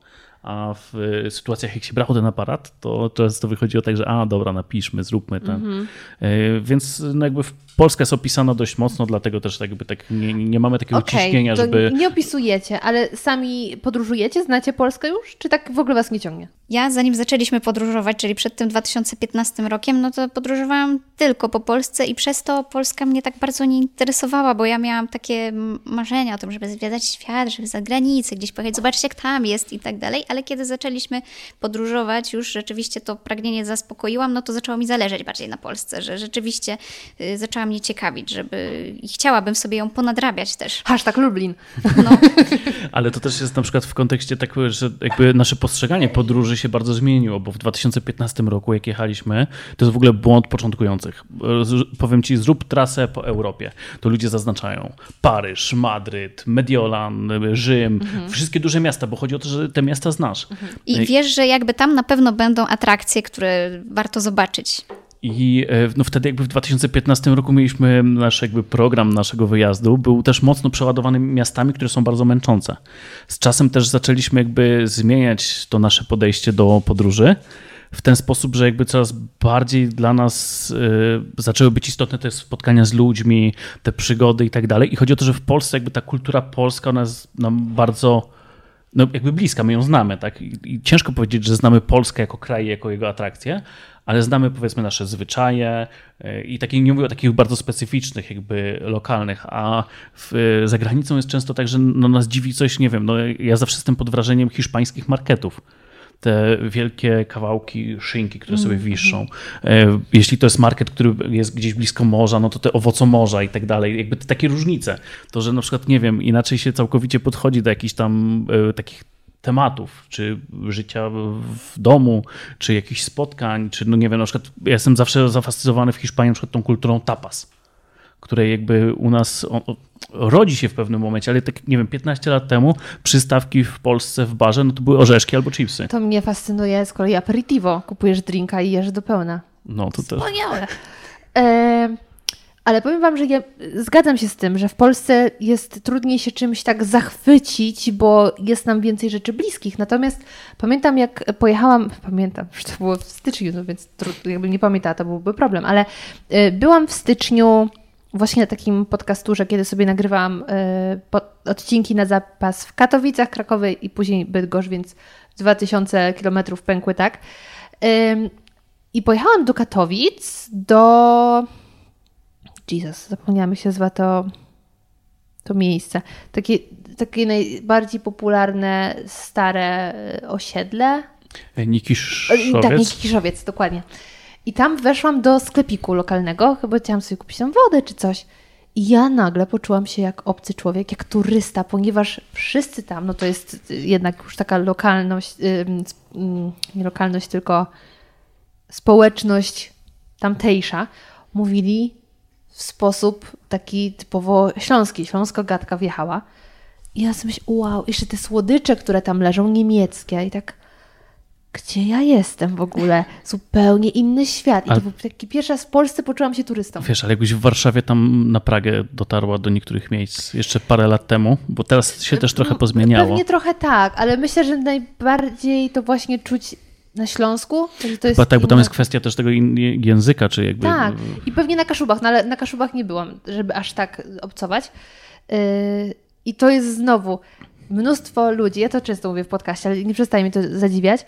Mnóstwo ludzi, jak słyszy, że jestem z Dolnego Śląska, i tak wow, nie zaciągasz, jest takie kurde, skąd? Skąd? To jest Dolny Śląsk, nie Górny. Ale jaka różnica? Jest takie, no może między, taka jak Śląsk. między Małopolską a Wielkopolską. Znacząca. Yy, dlatego tak, jestem z Dolnego Śląska i zachwycam się tym, jak na Śląsku Ale w, jest. w ogóle wszystkie miasta, które wymieniłeś są bardzo tak jak Perła Północy, Bydgoszcz, y, no to też jakby, ja pamiętam Też jak tak byłem pierwszy raz, to też byłem w ogóle mega zaskoczony i to, że w ogóle Bydgoszcz jest takim dużym miastem. To znaczy, jakim ładnym. I, tak, ale ja jakby jakiś czas temu sprawdziłem sobie, ile Bydgoszcz ma mieszkańców i ja strzelałem wcześniej, tak myślałem, że no Bydgoszcz to pewnie tak 200-250 tysięcy, a tu się nagle okazuje, że to nie, no, że to jest takie Ile całkiem, chyba 500. Co? Tak, nie? Sprawdźmy to. Najwyżej już? wytniemy, wytniemy. Może wytniemy. A może od razu sprostować też? Tak, no to wtedy przeprosimy. Yy. Ale Bydgoszcz jest na pewno dużo większa niż y, Niż Toruń, to na pewno. 380. 350. No, no to dobra, ale to wiesz, jak dorzucisz Ale do tego... 176 km kwadratowych. No więc no to już ten. I to wiesz, to było miasto, które jest jakby większe niż, sądziłem, nie? Mhm. Katowice to, to też jakby, jak powiesz komuś w ogóle Śląsk, no to jak się kojarzy Śląsk ludziom, którzy nie byli na Śląsku spoza Śląska? No masz górników na ulicach, oni są tam ubrudzeni tym węglem całym, nie? I tak dalej. W ogóle czarno jest. Tak, no i wiesz, a tu jedziesz do Katowic i i Katowice, no jakby wiadomo, że są te osiedla, są te miejsca takie powiedzmy, które wyglądają trochę tak stereotypowo, ale są też e, jakby Ja w ogóle uważam, że Polska jest naprawdę bardzo ładna. Akurat wygląd Polski najbardziej mi w tym kraju pasuje. E, No jest super i też mamy bardzo dobre drogi. Jezu, jakie drogi są doskonałe. To jest też y, pokłosie tego, że tych dróg nie mieliśmy 20 lat temu, nie? I, te, i I teraz, teraz one mamy są. nowe, nowe Nie, to drogi. tak, ale Dali naprawdę cokolwiek i my się cieszymy. i pod kątem, nie no, jakby drogowo, y, jeśli chodzi o te mopy i tak dalej, Polska to, to według mnie jest taki top europejski. Problem z drogami jest jeszcze taki, że chodzi o to, że ich czasem są miejsca, gdzie ich jeszcze brakuje. Mhm. Jakby ich było dwa razy więcej, to już byłoby w ogóle super, bo mieliśmy byśmy rzeczywiście taką siatkę, y, ten, ale no tak jak nie wiem, z Kielc do Warszawy, no to jest dwie godziny drogi, nawet nie. Więc to też jakby to też bardzo zmniejsza te rzeczy. No dawniej jakby do Warszawy z Kielc trzeba było jechać trzy z hakiem. No, z, y, ode mnie jechało się koło dziewięciu. No a teraz ile się jedzie? Pięć. No, no to mamy połowę mniej. Więc to są takie rzeczy, których jakby nie zauważamy od razu, ale te odległości się zmniejszają. Na drogi się w Polsce narzeka, no bo jakby jesteśmy przyzwyczajeni do tego, że się na te drogi narzeka. Ale my zwykle narzekamy na lokalne. Tak, i, one jakby dziurawe, no, u nas w Kielcach też po zimie jakby wyszło trochę tych, tych dziur sporych i, i w niektórych miejscach się jeździ tragicznie, ale już taki transport międzymiastowy, jeszcze właśnie jak te sieci są, no to jest super, nie? Więc e, to też w porównaniu do wielu krajów w Polsce, no pod tym kątem jest fajnie. Zostawiamy drogi ym, i przechodzimy do kwestii yy, właśnie tego, jak wygląda Wasza praca. Czy Wy jesteście w 100% już twórcami internetowymi i tym się zajmujecie, czy też jeszcze jakoś dodatkowo musicie... Nie już w 100% i to od nawet no już niedługo będzie 5 lat. Wow, gratuluję, W super. 2018 jakby otworzyliśmy firmę, ale już w 2017 w ogóle blog uchronił mnie przed doktoratem. E, Bardzo, bardzo się Z czego cieszę, to że miał być doktorat? e, Ekonomia. bo bardzo jakby lubię te tematy, teraz cały czas gdzieś tam ten, ale e, cieszę się, że mnie uchronił nie ze względu na to, że nie fajnie byłoby ten doktorat robić i tak dalej, ale wiem jak powiedzmy jak funkcjonują polskie uczelnie często. Mm. Wtedy mi się nie podobało, teraz mi się to nie podoba, a teraz mi się nie podoba bardziej i bardzo się cieszę, Tak, że I my tu... cieszymy się po prostu, że mamy taką kreatywną pracę, że mamy możliwość w ten sposób zarabiać i to jest naprawdę, naprawdę super. Chwilowo właśnie nie jesteście w podróży. I kiedy nie jesteście w podróży, to co robicie? Teraz robimy Top Gara. Mhm. Wcześniej było tak, że jakby, bo to też trzeba pamiętać o tym, że taka twórczość internetowa to nie są tylko rzeczy komercyjne, tylko no jakby u nas to był stosunek, nie wiem, 80% rzeczy niekomercyjnych do 20% No komercyjnych. oczywiście, zazwyczaj jest mniej I komercyjny. na przykład tworząc y, ostatni chyba, na, ostatnia taka nasza duża seria przed pandemią, to jest seria o Wenecji, gdzie mamy chyba tam 14 artykułów. E, Jechaliśmy do tej Wenecji, ale powiedzmy tworzenie tych 14 artykułów to był powiedzmy miesiąc pracy. Gdzie siedzieliśmy, ja tam po mapach Google z tym, z tym żółtym ludzikiem chodziłem sobie, oglądałem różne miejsca, opisywałem, robiłem szkice, robiłem wstępne trasy i tak dalej. Więc wtedy bardzo dużo czasu poświęcaliśmy na pisanie, przygotowywanie się do wyjazdów, do robienia tych artykułów, bo to się tak wydaje, że zrobić artykuł, zrobić dobrą trasę zwiedzania, a my mamy kilka takich miast, gdzie mamy nazwa miasta w jeden dzień, no to jest jakby najtrudniejsze. Dużo łatwiej się opisuje, jak mam opisać katedrę, mam opisać jakiś, nie wiem, park, y, jakiś, y, jakiś jeden obiekt, niż w sytuacji, gdzie mam zrobić trasy zwiedzania miasta, bo wtedy jakby to miasto trzeba rzeczywiście poznać, więc Tak, to było... bo, to, bo raczej nie robimy, no nie robimy tak, że po prostu opisujemy nasze doświadczenia, że a tu, a tu akurat byliśmy, to widzieliśmy to bardziej po, na Instagramie pod stories, a, a artykuły to tak się Wojtek zawsze, Tak, głównie bardzo, Wojtek ja, ja bardzo nie lubiłem takich blogów, gdzie ktoś mówił, a tu wysiedliśmy sobie z pociągu o 10.30, poszliśmy tam, poszliśmy tam, poszliśmy tam. Spisali vloga. Później tak, później się okazało, że a tam ominęliśmy coś tam. Ja To zawsze tak wkurza, jakby ja zawsze dochodziłem do wniosku, że jak piszę artykuł trasa zwiedzania miasta, to ma być trasa zwiedzania miasta, więc ja muszę to miasto wcześniej poznać, zanim jeszcze się do niego uda. Muszę sprawdzić, gdzie są atrakcje. Muszę opracować optymalną tą trasę pod tym kątem, że no też, żeby to nie było 40 km, które będzie robione w zygzaku, tylko żeby to, ta trasa miała ręce i nogi, więc to zajmowało bardzo, bardzo dużo czasu. I też pod kątem takiego przejścia powiedzmy na ten profesjonalizm, na zarabianie w internecie, to też była taka decyzja, która była dość trudna. I to też chyba pomogło nam to, że wtedy jeszcze byliśmy studentami. Kasia, Tak, na pewno było wtedy łatwiej, przez to, że studiowaliśmy w trakcie. Chociaż y, no, niektórzy nas jakby tak zniechęcali do tego, mówili o tym, że no, co będzie, moglibyśmy już zys- zyskiwać doświadczenie w jakiejś pracy później, jak już założyliśmy tę działalność. A tak to nic nie będziemy umieć, nie będziemy mieć żadnych kwalifikacji, jak my się odnajdziemy potem na rynku pracy, jak nam nie, nie Mówicie wyjdzie. o wiele więcej, jakbyście przesiedzieli w jakiejś firmie. No tak, teraz z perspektywy czasu to widać, ale wtedy jakby też dużo osób nie, nie zauważało takich rzeczy, że wiesz, choćby jakby tematy takie techniczne, powiedzmy wideo, robienie zdjęć, jakieś tam ogarnianie światła, dźwięku, No, różnych nawet takich rzeczy, SEO, tak jakby prowadzenie, nie wiem, copywriting, ale kwestie marketingowe, dystrybucja treści w internecie, no to jest jakby naprawdę bardzo dużo rzeczy, Tak, które... to jest które... dużo rzeczy, które trzeba ogarnąć, to naprawdę dużo się doświadczenia zdobywa i no, to cieszę się teraz, że jakby się nie, nie byliśmy zdeprymowani tym, kiedy ludzie mówili, a co z tego macie, albo co z tego będziecie mieć, kiedy my jeszcze nie zarabialiśmy na tym, co I robiliśmy. też ta nasza branża podróżnicza, ona jest taka, że ona jest mocno sezonowa. My też jakby zawsze w zimie zapadaliśmy na taki trochę sen zimowy. Jak mieliśmy te 100 dni podróży w, w trakcie roku, to to było zazwyczaj 100 dni, które było od wiosny do jesieni. W zimie zazwyczaj siedzieliśmy w domach i tak dalej i to też było tak, że nie mieliśmy takiego jakby jednego źródła przychodów. To znaczy mieliśmy dobre miesiące, ale wiedzieliśmy, że jak mamy dobry miesiąc, to czasem są trzy miesiące, gdzie się jakby nic nie zarabia. No, w freelancie zazwyczaj jest tak, że masz jakiś większy projekt, który pozwala ci przeżyć przez kolejne miesiące. Tak, więc to też jakby zawsze tam staraliśmy się podchodzić do tego wszystkiego ostrożnie i zawsze też jakby trzymać jakąś tam taką poduszkę finansową i też nie, nie baliśmy się nigdy reali- realizować jakichś takich niekomercyjnych projektów, które czasem nam poświęcały naprawdę dużo czasu. Zresztą w przypadku Top Gara to też jak zaczynaliśmy, to kompletnie nie wiedzieliśmy w ogóle jak to będzie wyglądać, jak to się skończy. E, Też wtedy akurat finansowo nie staliśmy najlepiej, bo daliśmy sporo pieniędzy na bilety do Stanów, e, na kupno tego busa w Stanach, na jakieś tam takie rzeczy, gdzieś tam, nie wiem, garnitur ślubny, suknia i tak dalej, to wszystko mamy cały czas.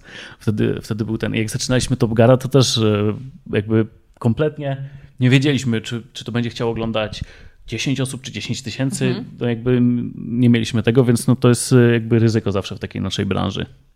Ale w ogóle ja też jestem pod ogromnym wrażeniem, że wy jednak jesteście jest Top Gear, pewnie to jest, to jest YouTube, chociaż też wzbogacony o stronę, no bo tak, cebularz to, tak, widziałam tak, na ty cebularz widziałeś na blogu, więc to Tak. Macie też YouTube'a pod, y, y, pod busa, ale tam chyba się najmniej dzieje. A, tam 100 co filmów, do 100, 100 dni dookoła Europy są, zostały ukryte. Tak, bo nie byłam z nich za bardzo zadowolona, bo wtedy to, to był hardcore w ogóle, co wymyśliliśmy z tymi vlogami. Każdego dnia, z każdego dnia robiliśmy vloga, montowałam to w samochodzie. Nie było zbyt dużego zapasu czasu i one takie wyszły według mnie, no tak, no, no jak kiedy to robiłam tak na szybko, no to, no to według mnie nie wyszło najlepiej i też było tak, że kiedy jednego dnia montowałam, no to tego dnia się rzeczy się trochę mniej działo i, i ciężko było mieć materiał na, na nowy odcinek. No i teraz bym to zrobiła zupełnie inaczej, że po prostu bym robiła te vlogi tematycznie, to znaczy kiedy akurat danego dnia byliśmy w jakimś ciekawym miejscu, to wtedy bym tylko robiła vloga, miejscu. albo bym właśnie zbiorczo podeszła i dlatego te filmy poukrywałam. No i planuję tak jeszcze tym YouTube'em się zająć. Mam jeszcze sporo materiału takiego do zmontowania, żeby tak, bo, bo chyba warto spróbować, bo wydaje mi się, że no na pewno to mi sprawia przyjemność. To tylko tyle, że trochę brakuje mi jeszcze takiej wiary, wiary w siebie, bo ja zawsze tak sobie, no, zawsze mi się wydaje, że nie, że to, to nie wyjdzie za dobre, że ja nie umiem, tego nie ogarniam, Aha. ale staram się z siebie taki popchnąć, żeby rzeczywiście te filmy wypuszczać. I no i te 100 dni dookoła Europy, te 100 vlogów, które wydawaliśmy właśnie tydzień jakby po dniu, w którym się, czyli siódmego dnia podróży wypuszczaliśmy pierwszy dzień już. E, No to też były materiały, które były nagrywane GoPro. My tam robiliśmy to, w sensie to jest taka bardzo naturalna podróż, czyli tam pokazujemy jak się gdzieś budzimy i pokazujemy nasze miejsce noclegowe. O, patrzcie ile śmieci tu leży dookoła, albo patrzcie jak brzydko, nie? Albo gdzieś tam, albo czasem ładnie, bo też mieliśmy super noclegi, takie jak na przykład, nie wiem, pod palmami, przy, przy morzu i tak dalej. Y, Więc one były takie trochę nudne. Kasia mówiła, że no, ona tu by chciała je ukryć. Ja byłem nie do końca chętny, bo też wiem, że jakby jest grono ludzi, którzy, którzy lubią te vlogi. Niektórzy nawet pisali do nas później wiadomości, że chcieli sobie odświeżyć i tak dalej, to im wysyłaliśmy jakieś tam niepubliczne linki do tego. E, No ale jakby tamte materiały były chyba trochę zbyt nudne. Może tak. Ale właśnie, bo, bo zmierzam do tego, że wy dalej jesteście w dużej mierze blogerami. I to w tych czasach jest wow, dalej działać na blogu. Lubimy pod, praktyczne rzeczy, więc jakby ciężko jest zrobić film praktyczny o podróżach. No to jest To jakby... prawda, bo później fajnie, jak się obejrzy, chce się wrócić do informacji, to zanim znajdziesz odpowiednią minutę, to łatwiej. Vlogi mają być docelowo nie jakoś specjalnie praktyczne, tylko, Tylko właśnie... rozrywkowe. Wieczorkiem albo rano do Tak, śniadanka. więc Słuchajcie, pora na drugi segmencik. Uwaga, jingle.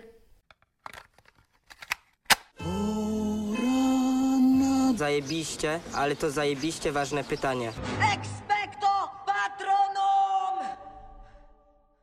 Expecto Patronum, pytania od patronów. Mhm, Zacznijmy od Jakuba. Jakub Jaworski pyta. Jeden. Jaki jest Waszym zdaniem najbardziej zaskakujący kierunek w Europie pod względem turystycznym? Ja pomyślałam o Islandii? Mołdawii. A, dobra. Mo- y, tak, pomyślałeś o Mołdawii, ja pomyślałem Tak, ja pomyślałam o Mołdawii w tym kontekście, że tam fajnie można się cofnąć w czasie i ona jest pod tym kątem ciekawa, że nie jest jeszcze tak bardzo turystyczna i wiele rzeczy tak, tak zaskakuje to, jak te różne rzeczy tam funkcjonują i to mnie właśnie tam w Mołdawii urzekało. A ty co chciałeś Ja o chciałem Islandii powiedzieć o Islandii. No, że jakby przyrodni, że to jest twój ulubiony kraj chyba. Tak jest. E, jakby, no to tak, to rzeczywiście może łatwiej, lepiej to odpowiedziałeś na to pytanie, bo bardziej zaskakująca może być Mołdawia, ale tak pod kątem takich najfajniejszych państw, no to Islandia chyba i Norwegia pod kątem przyrodniczym. Norwegia jest tak cudownie surowa. Na Islandii nie byłam, więc się nie wypowiem, ale Norwegia mega mi A gdzie byłaś najbardziej na północ? Y, Byłaś y, w której części? Tak cała? W Oslo byłam. A, w Oslo. Ja jestem taki, wiesz, turystą, nie, kupiłam tani bilet. To szukaj tanich biletów y, w zimie na północ, tam gdzieś do Zimie, i tak dalej. w zimie. Y, Nie, na przykład mnie w Norwegii w Polsce zaskoczyło. jest zimno. Mnie zaskoczyło w Norwegii to, że tam jakby jest droga, która jest najważniejszą drogą w Norwegia jest faktycznie droga. fragmencie. jest, e, mamy ten, jedziemy jakby i jest tam takie totalne odludzie, tak, że jedziesz i o fajnie, jakaś większa miejscowość, patrzysz na mapce, ona ma 250 mieszkańców, nie? To to jest jakby super, że te Metropolia. renifery, które gdzieś tam sobie wychodzą, na przykład w Finlandii, ta cała pół- północ Europy jest fajna, taka dzika trochę, taka, taka, zdaje się taka nieodkryta, a Mołdawia, tak jak powiedziała Kasia, to jest taki kraj, gdzie cofamy się w pewnym sensie jakby trochę do przeszłości. Ona jeszcze nie jest w Unii Europejskiej, jest taka trochę rozdarta między wschodem a zachodem. Teraz już jest y, po ostatnich wydarzeniach bliżej chyba Mołdawii jednak do zachodu ale mm, no, tam mieliśmy okazję oglądać takie rzeczy, które, które widzieliśmy w Polsce w latach 90. często, taki, taki tak, trochę taki powód do przeszłości. Hmm. Tylko, że Mołdawia też jest specyficzna, to też musimy uczulić, że ona nie jest dla każdego. Czyli ktoś musi, trzeba lubić te wschodnie klimaty, bo to nie jest też taki kraj, gdzie, który jest jakby mega estetyczny, mega ułożony. Jak ktoś, nie wiem, jak ktoś lubi Monako i Saint-Tropez, no to raczej w Mołdawii mu się nie będzie podobać. No ale to chyba nie będzie zaskakujące, w sensie no Santro, to ciekawy przykład będzie. Natomiast ja myślę, Myszko, ja myślę, że to, co jest istotne, to żeby właśnie tak sobie pojeździć, to trzeba mieć z kim. Że ja o ile w wieku 18 lat byłam super odważna i byłam sama w Hongkongu i sobie chodziłam po piątej nad ranem po mieście, nie było problemu, dzisiaj bym się bała.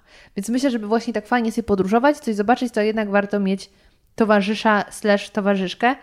Um, Także ja będę sobie jeszcze szukać ekipy. E, drugie pytanie. Jakie macie plany podróżnicze na pozostałą część obecnego roku? No, od Stanów zaczynamy, od Japonii, czy od tego, co już mamy klepnięte? E, generalnie teraz jakby nam sezon się mocno jakby tak zaczyna, tak jak mówiłem, że sens zimowy, później się budzimy mhm. z tego snu zimowego.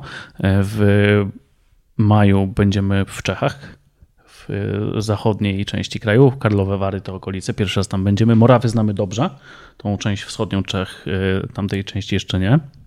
W czerwcu jedziemy do Chorwacji z rodzicami na taki opóźniony wyjazd z 2020 roku, kiedy właśnie ze względów pandemicznych rodzice nie pojechali. Chcieliśmy im Chorwację pokazać, jeszcze ich nie było tam. A później liczymy na to, że uda się gdzieś jechać dalej. No i tutaj albo właśnie Stany, gdzie jeszcze nie mieliśmy okazji być i cały czas też coraz mocniej dojrzewamy chyba do tego, żeby pojechać gdzieś na 2-3 miesiące i posiedzieć, posiedzieć w jednym miejscu. No i tutaj myślimy o takich krajach azjatyckich. Ale to już bez busa. Bez busa, polecieć, pomieszkać. Biedny busik. Biedny busik. Nie, no, będzie sobie odpoczywał. Tak, on będzie odpoczywał, nie będzie w robocie przynajmniej. A, a tak właśnie zaczęliśmy o tym, o tym myśleć, bo tak jak wcześniej tam już Wojtek wspominał, że zaczęliśmy chcieć tak trochę jeszcze wolniej podróżować, że na początku to rzeczywiście jak najwięcej, w jak najkrótszym czasie zobaczyć duże miasta, a teraz to tak, to tak właśnie, żeby sobie pomieszkać, to byłoby idealnie, pochodzić po... To już jest ten wiek no tak, no, no jakby nie było 30 dwa dni temu, lat. Dwa dni temu 30 urodziny. 30 lat przekroczone u obydwojga już. Dziękuję. No, ale tak właśnie myślimy sobie. Co prawda, to czy to się odbędzie w tym roku, to nie wiadomo, bo jednak mamy sporo tych zobowiązań związanych z Topgarem, no bo mhm. tu nie tylko nawet chodzi o nasz kanał, ale też te odcinki idą do telewizji, więc też musimy tam jakby. GameCube zapas... taka mała telewizja. A, zapas okay. musi być. I dlatego, jak wyrobimy się z robieniem materiału zapasu na Top Gara, no to wtedy będziemy mogli sobie pozwolić na to, żeby rzeczywiście tak na długo pojechać. I też tam chcemy nagrywać Top Gara, też jakbyśmy się mieli przeprowadzić, nie wiem, na trzy miesiące, strzelam teraz do Seulu na przykład, to chcielibyśmy tam też robić materiały, bo to też będzie fajne. Mhm. Ale właśnie tak jak wcześniej już wspominaliśmy, ten sposób naszego podróżowania się zmienił pod tym kątem, że niekoniecznie zależy nam na oglądaniu jakichś takich, na oglądaniu miejsc, tylko bardziej na poznawaniu tych na miejsc. Na życiu. Tak, na życiu życiu. I to sobie mhm. na przykład ja sobie wyobrażam, że jakbym miał, nie wiem, Warszawa, żeby się przeprowadzić do Warszawy na miesiąc czy dwa, wydaje się jakby atrakcyjna. I żeby sobie pochodzić, y, popatrzeć w Absolutnie te różne zachęcam. miejsca. Czy, no i to, to samo jakby z zagranicą. Tak, no my teraz planowaliśmy, znowu COVID nam też trochę poodwoływał, bo no w ostatnich latach to było tak, że e, te ograniczenia raz były, raz ich nie było. Mieliśmy już nawet zaplanowany wyjazd do Wenecji, to jest chyba moje ulubione miasto, na ponad miesiąc, gdzie chcieliśmy sobie na wyspie mieszkać, może coś tam więcej napisać na temat tego, ale tam pochodzić, tak totalnie na spokojnie. Na Cicchetti, tak, do na Cicchetti, Bakari, te sprawy. Gdzieś tam się przejść, tak dalej. Nie dam, że idziemy do Bazyliki, idziemy tam, tylko idziemy, idziemy się przejść, idziemy się na spacer, idziemy poznać te ulice, to miasto, żeby, żeby no, żebyśmy mieli wrażenie, że rzeczywiście je znamy, że tak, nie musimy to, patrzeć na mapę. Tak, tylko, tylko, problemem było to, że nie wiedzieliśmy, czy rzeczywiście obostrzenia nie wejdą i no wyjdzie tak że, tak, że my będziemy tam mhm. siedzieć, a wszystko będzie pozamykane i w sumie to nic z tego nie, nie, nie wyjdzie. Ja właśnie chciałam was zapytać, czy jakbyście pojechali do tej Japonii, to nie brakowałoby wam tego e, i, i takiej niezależności, no bo jak wsiądziesz, sobie pojedziesz, ale jeśli mówicie o tym, żeby pojechać i pożyć jak locals, to ja jestem absolutnie najbliżej tej opcji. Właśnie mnie to najbardziej kręci pojechać gdzieś i sobie pożyć. Jak tu jechaliśmy do ciebie, oglądaliśmy, słuchaliśmy fragmentu podcastu, w którym był fragment z panem Robertem Makłowiczem, który tam opowiadał, jak e, jedli hamburgery jak lokalsi. I ja na przykład bardzo lubię w ogóle, jeśli chodzi o. mm, Nie jestem fanem takim wielkim tego restauracyjnego jedzenia, tego takiego powiedzmy trochę. Trochę niepra- znaczy, trudno też mówić o tym, że nieprawdziwego, bo jakby wszystko jest w pewnym sensie prawdziwe, ale ja kocham te miejsca takie lokalne.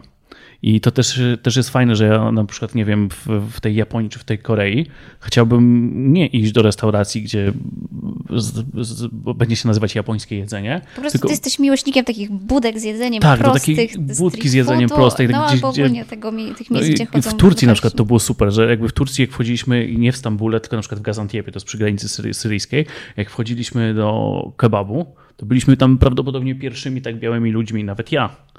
Gdzie wszyscy się na nas tak patrzyli tak, i to było super, jakby powiedzieliśmy, że to jest takie Ty autentyczne faktycznie masz miejsce. taką urodę niepolską. A teraz Tam- Wojtek jeszcze nie opalony. A Jeszcze teraz nieopalone Dom przez tą siedział. pandemię, no to tak, Dobrze, czyli... to jest bardziej nam z kadru wychodzisz.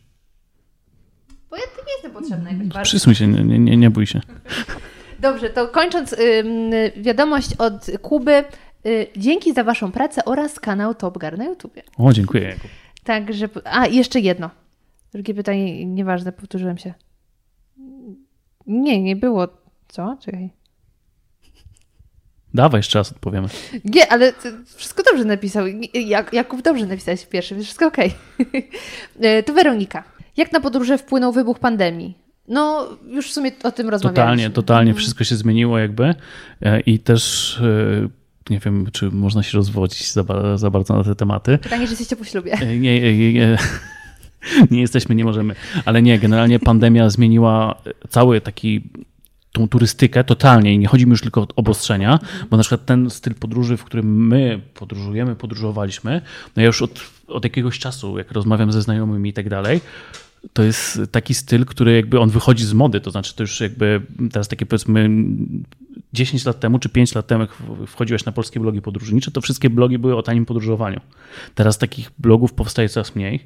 Coraz mniej osób jest też zainteresowanych tym. To znaczy ten, ten typ podróżnika i podróży się zmienia i to też jest ciekawe i myślę, że pandemia Czyli tutaj... idzie bardziej w stronę hoteli?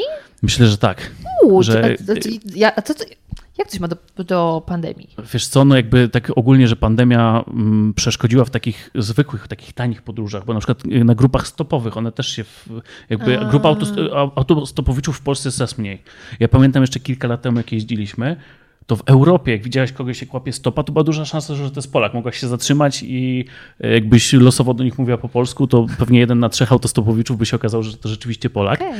Teraz przykład autostopowicze jakby ci najwytrwalsi dalej są, ale też jakby widać, że jest coraz mniejszy Mniejsze dopływ, zaufanie tak, takie. tej, tej świeżej krwi, bo też jakby ludziom się zaczęło podróżować trudniej. Mhm. A jakby jedna z takich pierwszych e, rzeczy, które, które jakby właśnie no to jakby autostop, te takie tanie podróże, e, busy za złotówkę, nie wiem czy, czy pamiętasz, ale no nie wiem, nasz rozwój naszego bloga, on polegał na tym, że my opisaliśmy kilka miast, do których się dało da- dotrzeć tanio e, tymi busami, tam polski bus i tak dalej. Tak, tak, tak. My opisaliśmy je dlatego, że my też tam tanio tymi busami się dostaliśmy i ludzie kupowali bilety za złotówkę, za 19 zł. Teraz po pandemii na przykład tego nie ma też.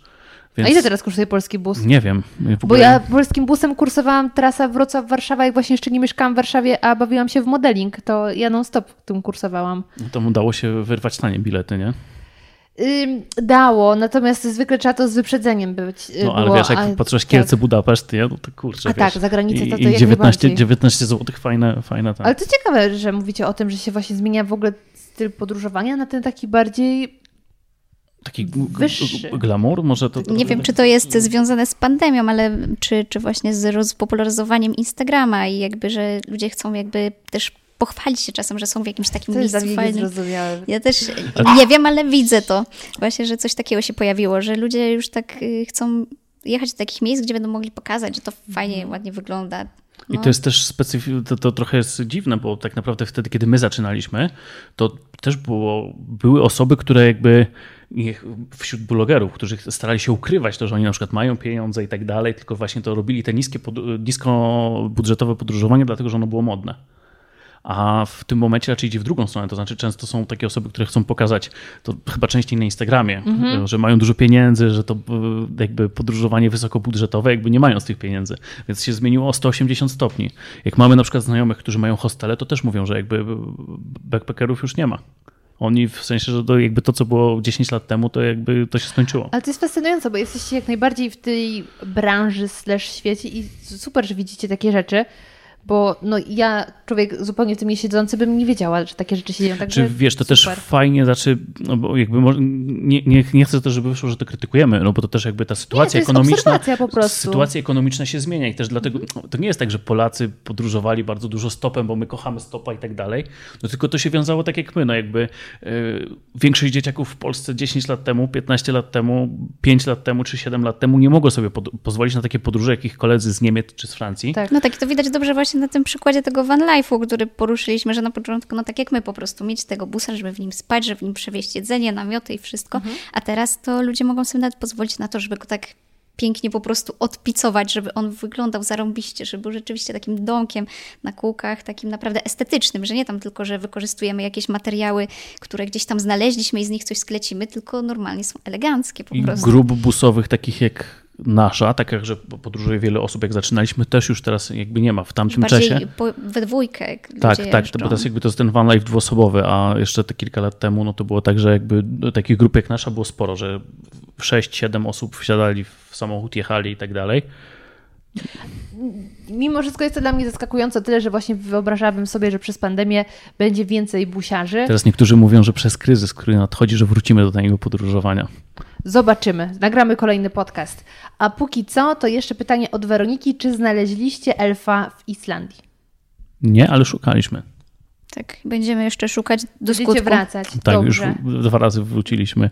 Jeszcze raz A, w wrócimy. tym roku mieliśmy jechać do Islandii właśnie, bo... Byliśmy już, ale też mamy Ale jechać. jeszcze raz mieliśmy, Już żeby... byliście w tym roku? Byliśmy Tak. już, no. I będziecie znowu? No chcemy. Wariaty. Tam mieszka moja siostra, to też odwiedzamy. To Ale trochę. fajna jest Samochód Islandia. za darmo. Wiem, że jest fajna. Właśnie mam Nie, tam też super. y, przyjaciółkę, którą mam nadzieję w końcu odwiedzić. Ale lecimy dalej z pytaniami, bo troszkę jeszcze ich jest. Y, Pytanie od Jaśka. Które z miejsc, jakie odwiedziliście, zaskoczyło pozytywnie, a się tego nie spodziewaliście? Dobra, ja już mam w głowie, to ty możesz powiedzieć pierwsze, zobaczymy. Jeszcze nie mam w głowie. To ja bo- powiem. Czarnobyl. Pozytywnie. Pozytywnie. Ale się tego nie spodziewałeś? Nie spodziewałem się, bo jakby ja byłem, e, była taka gra Stalker Cień Czarno, Czarnobyla, ona tam już teraz to ma pewnie z 15 lat. Ja w tą grę grałem jeszcze gdzieś tam w liceum, na studiach i pamiętam, że zawsze mnie te klimaty, trochę chodziłem po urbexach e, zresztą i zawsze mnie te klimaty tak bardzo jarały i miałem wielkie oczekiwania w związku z tym e, co do Czarnobyla, ale też widziałem na przykład na YouTubie, jak się pojawiają takie wycieczki, że tam ludzie wychodzą Tak. z autobusu i tak dalej. Bałem się, że będzie tak, że pojedziemy, a tam będzie pełno turystów, że zobaczymy tak jak trochę jest to zdjęcie piramid z dwóch stron. Że ten Czarnobyl, y, Prypeć będą wyglądać inaczej. Okazało się, że no my totalnie mega trafiliśmy, bo trafiliśmy jeszcze w czasach przed serialem HBO Czarnobyl, czyli przed takim hypem wielkim na Czarnobyl. I trafiliśmy też tak, że byliśmy, mimo tego, że byliśmy w wakacje, czyli taki czas, kiedy tych turystów jest więcej, to byliśmy w środku tygodnia i na przykład wjeżdżając do Prypeci byliśmy tam jedynymi ludźmi, którzy byli legalnie. Ostatnia grupa wyjechała chwilę przed nami. W okolicach elektrowni jeszcze były jakieś tam grupy, ale to były grupy niewielkie i tych turystów było naprawdę wtedy bardzo mało. I to było super doświadczenie pod tym kątem, że jakby nastawiłem się już, że, no, że, że mogę się zawieść, że nie miałem takich wielkich oczekiwań. To faktycznie, w momencie, kiedy masz duże oczekiwania wobec czegoś i nie zawiedzie, to jest podwójna nagroda. Tak, a tutaj jakby, jakby już zakładałem przed tym wyjazdem, nie chciałem się nastawiać, że kurczę, będzie tak super, że będziemy sobie chodzić sami, że, że wejdziemy tam i tam. Tylko Bo rozczarowanie tak, roz, zakładałem, że no kurde, jak mam takie duże na, nadzieje, to się mogę rozczarować i się nie rozczarowałem i to było mega. Ekstra. Kasia? No ja myślę, że tak generalnie, że czasami wydaje mi się, były takie mniejsze miejscowości, w których wydawało się pozornie, że nie będą aż tak atrakcyjne, nie będzie aż Lublin. tak ciekawie, a, tak, a to się okazuje, że jest super, po prostu jak choćby Mechelen w Belgii. O tak, no to jest takie e, miasteczko, gdzie trafiliśmy przypadkiem, byliśmy tam chyba przez 4 dni. Jest w ogóle super, jakby nie wiedzieliśmy, że w takim małym mieście, które jakby w, w, Belgii, jakby mówimy jedziemy do Belgii, to nikt nie mówi jedziemy do Mechelen. No mamy pięć innych miast, czy, czy 10, które ludzie wybierają, a tam się okazuje, że naprawdę te tradycje, tam no to wszystko aż... Belgia też ma ciekawą historię. E, w sensie ma taką dość dramatyczną tak naprawdę historię. To oni też tam spokoju za dużo nie mieli, ale e, dla mnie właśnie Belgia jest. znaczy Ja Be- Belgię kojarzę z jej historii, jak ona się wiąże z jedzeniem. Na przykład historia frytek. Frytki, piwo, czekolada. Tak, no ale pytanie, czy frytki są belgijskie? W- Zależy, czy pytasz Belga, czy Holendra. Albo Francuza. French fries. No ale wiesz co, myślę, że Francuzi nie są aż tak zżyci z tymi Oj. Wiesz, Znowu ale- tematy ciężkie. Jak pamiętam, by, No właśnie, byliśmy, to też jest, byliśmy w, w Belgii, spotykaliśmy się z koleżanką, która jest Czeszką i ma chłopaka, który jest Holendrem Mhm. i z naszą znajomą ze Słowacji. I my jej mówiliśmy, nie mów tylko french fries, nie mów tylko french fries. Mów e, jakby albo same frytki, jak będzie Holender, to mów, że może mówić, nie mówił, że belgijskie, a w Belgii to ten. No idziemy i tak stoimy. Jest Belg sprzedawca, Holender obok y, kolega, a on mówi French fries. I wtedy te spojrzenia i jego, i, i, i jego drugiego no na tak, nią. ale właśnie temat jest taki, że tam nie da się jednoznacznie stwierdzić, czy to Francuzi, czy Belgowie. Dlatego to jest dla mnie tak fascynujące, bo... Ale patrz, Holendrów pomijasz. Bo, bo nie pamiętam tego wątku holenderskiego. On też na pewno jest, ale to właśnie ze względu na to, że to jest ten teren, Tak, który tak, jest tak. taki historycznie dla nas trudny. No tak jak Polska. To też nie było jednoznaczne, bo mieliśmy trzy różne zabory. Ale dobrze, y, to ja dodam do tego pytania, które Was negatywnie rozczarowało. Nie da się pozytywnie rozczarować. Co nas rozczarował? Trudne Myślę, czy pytanie. mogły być jakieś takie miejscowości, które... Wiem. E, Bran. A, tak, zamek Drakuli. No, no rzeczywiście, mimo że on jest okazały, wygląda świetnie, to po prostu staliśmy w tam jednej wielkiej kolejce, w sensie zwiedzaliśmy ten, ten zamek. Chodzi o to, że też mieli te godziny otwarcia takie jakieś zawężone. No, to w momencie, masakra. gdy to jest atrakcja tak popularna, to powinny być zaczynać otwierać to już wcześniej rano i zamykać późnym wieczorem, a tam było, nie wiem, że Chyba od dziesiątej, takie, nawet tak, no, bo później. to jest jakby zamek Drakuli w Rumunii. Mhm. Dracula, my kojarzymy w ogóle Drakulę z Rumunią, ale to on historycznie jest bardziej związany z Węgrami, ale to mówimy o zamku, który jest w miejscowości rumuńskiej. Byliśmy tam chyba o godzinie ósmej. Zamek otwarty od godziny 10. Mhm. Od, otwarty do godziny 16. 6 godzin. Wchodzimy do tego zamku i jak staliśmy w kolejce y, po bilety, to cały czas już w tej kolejce szliśmy. I to Tak, no tak, myślałam sobie o tym, że a jakby ktoś zasłabł, to jakby się z tego wydostał, te wąskie kory, z tych wąskich korytarzy. To znaczy, to też, też trzeba podkreślić, że tu nie chodzi o to, że samo miejsce nie było takie fajne, tylko chodzi o te okoliczności, o warunki, że po prostu... Jakby oni otwierali go od Tak. 7 do 19, to my byśmy byli o 7 i by nie było problemu. No i to też jest kwestia, którą poruszamy na blogu w ogóle, że odbiór różnych miejsc może być kompletnie różny w zależności od tego, kiedy tam będziemy.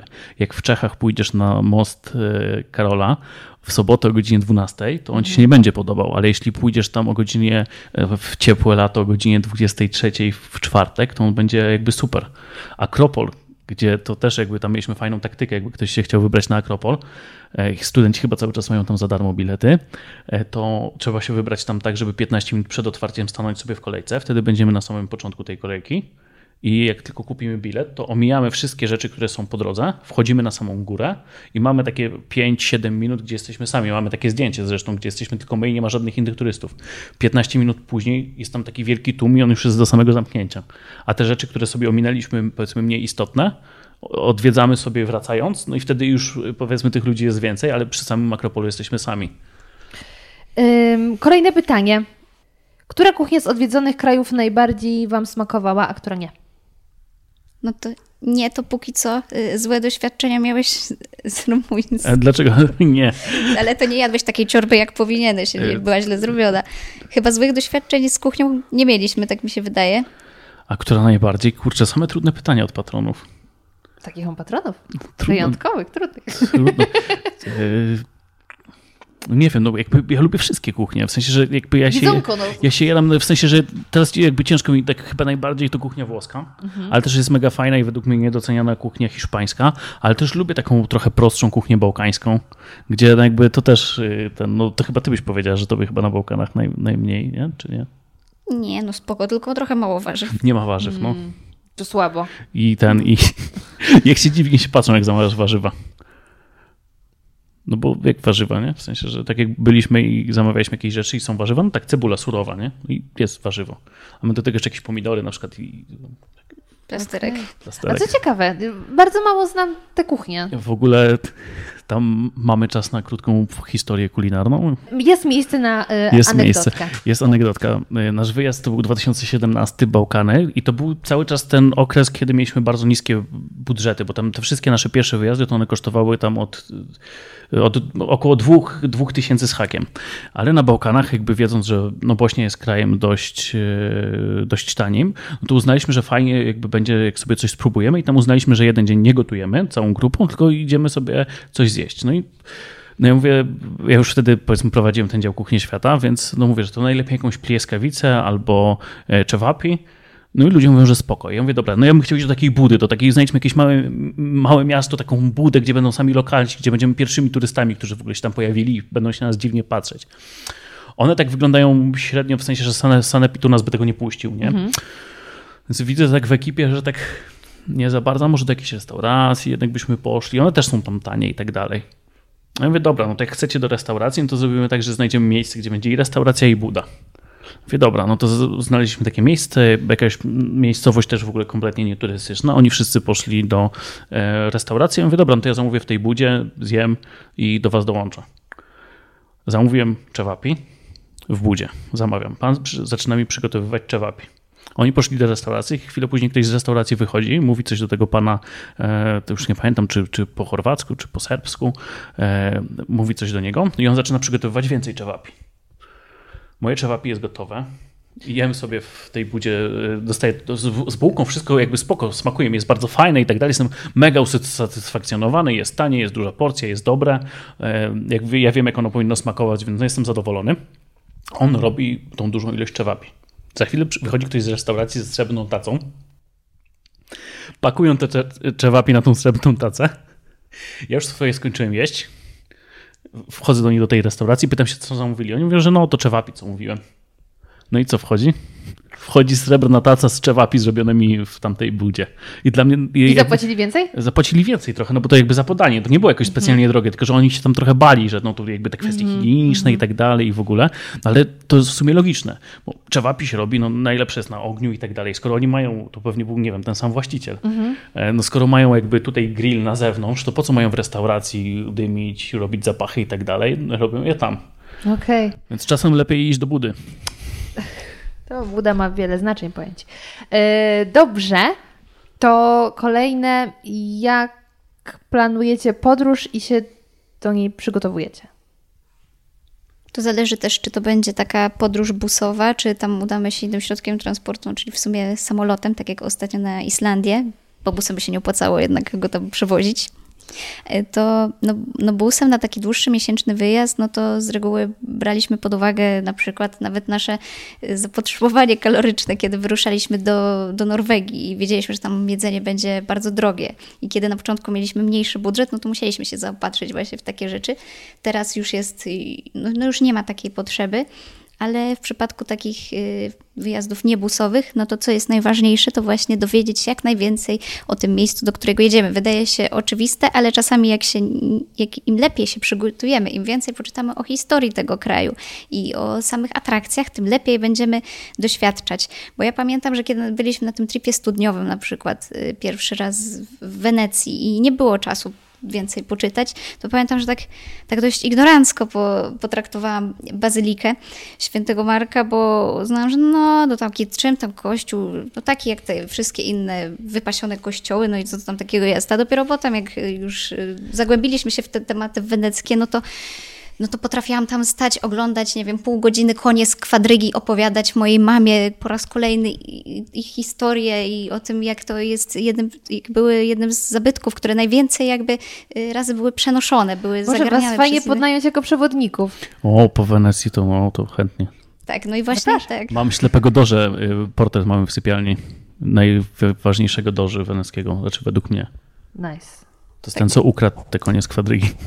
Zdobyli Stambuł, trochę zgrabili też, ale to nie Wenecjanie, to krzyżowcy. To nigdy nic nie ukradł. No tutaj na Ale pewno... chodzi właśnie o to, żeby y, no rzeczywiście pojawia się taka rada czasem, żeby po prostu iść na, na żywioł i się zgubić w jakimś mieście. No też można. Jak masz ale dużo czasu, i to jest jak super. ma się więcej czasu, ale to przed wyjazdem naprawdę dobrze jest się, się przygotować, poczytać, bo wtedy się lepiej doświadcza tego miejsca, kiedy się rozumie, co tam się, co tam się działo.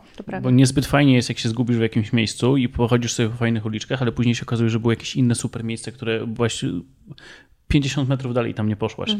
Więc jakby przygotowanie się jest ważne i to też jakby e, wchodzą kwestie znowu tematu pieniędzy. To znaczy im masz więcej pieniędzy, tym sobie możesz bardziej pozwolić na to, żeby się gorzej przygotować. W przypadku tych naszych wy- wyjazdów busowych, tych pierwszych, no to tam jakby było mega istotne to przygotowanie się. Też kwestia wyboru atrakcji. My zawsze robiliśmy tak, jak jechaliśmy w te 6-7 osób, że ja na mapach Google robiłem, mm, robiłem sobie mapkę, dawałem dostęp każdemu i mówiłem zaznaczajcie pineski.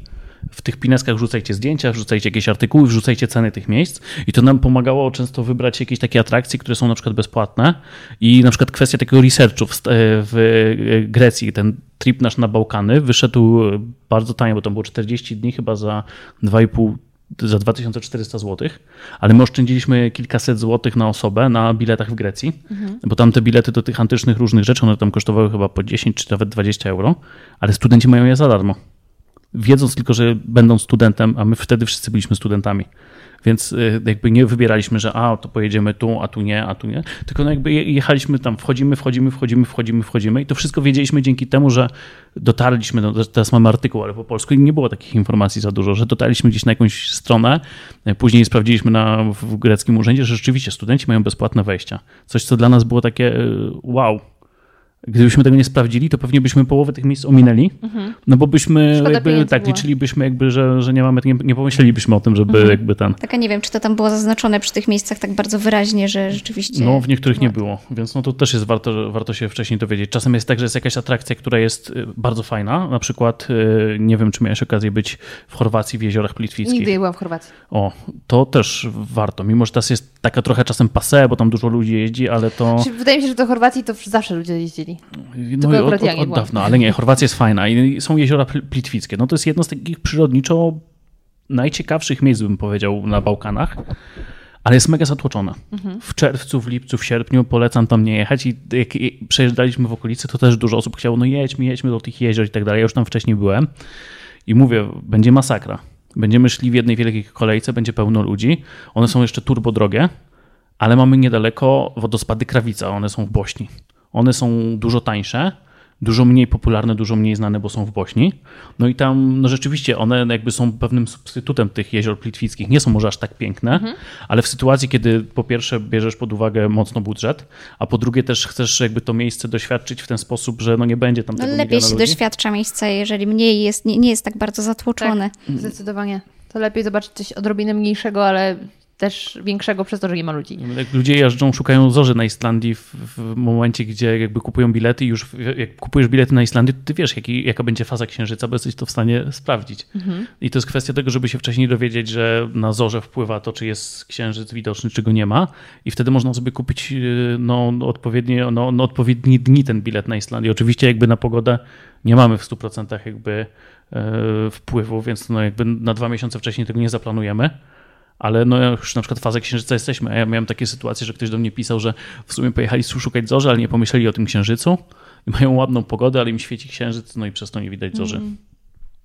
Nigdy nie myślałam nad tym, jak znaleźć zorze, już wiem. A pewnie w artykule bym dowiedziała się jeszcze więcej. Tak, Tak, jest, to jest jest. bardzo wiele Polecam. różnych czynników, które trzeba wziąć pod uwagę.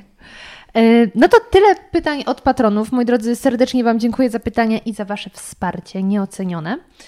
I powiem tak, został nam jeszcze wątek busa, który czeka na Was w Stanach Zjednoczonych, ale o nim porozmawiamy sobie już w materiale bonusowym, materiale premium, który będzie dostępny na Patronite Audio dla wszystkich patronów. No, zapraszamy, zachęcamy do patronowania. Do patronowania, tak. E, Także y, na dalszy ciąg zapraszam do Patronite Audio, a Wam serdecznie dziękuję za to, że mnie odwiedziliście. odwiedziliście. I życzę Wam samych e, szerokich dróg i szczęśliwych powrotów i jak najwięcej dobrego jedzenia. Dziękujemy, Dziękujemy. bardzo i dziękujemy za zaproszenie i wszystkim naszym słuchaczom i widzom za cierpliwość. Tak, i zapraszamy na bloga, e, YouTube'a, e, Topgar, e, Road Trip Bus i Instagram, wszędzie. I tak, Facebook. zapraszamy Na wszędzie. Facebooku też macie dużo ludzi. Mamy, no ale rzadko rzucamy rzeczy. No bo kto Facebook ścina na zasięgi. Starzy ludzie tam są. To może powinniśmy Czyli tam powinniśmy wrzucać. Sugerujesz coś? Dziękuję Wam pięknie. Dzięki. Hej. Dzięki. I jak wrażenia? Mam nadzieję, że dowiedzieliście się wielu ciekawych informacji. Być może poczuliście się zainspirowani, aby wyruszyć w jakąś daleką albo bliższą podróż, ale przede wszystkim mam nadzieję, że miło spędziliście z nami czas. Przypominam moim kochanym patronom, że już teraz w aplikacji Patronite Audio znajdziecie materiał dodatkowy, bonusowy, kolejnych kilkanaście minut z, z tym cudownym duetem. Jeśli chcielibyście również dołączyć do grona moich patronów, to zapraszam Was na stronę patronite.pl ukośnik zmacznego. Na koniec przypominajka, że jeśli czujecie podcastowy niedosyt, radioaktywne się skończyły, to pamiętajcie, że mam jeszcze podcast Zmacznego, gdzie te odcinki pojawiają się na przemian. Czyli jeśli tutaj nie ma, to jest duża szansa, że tam pojawił się nowy odcinek.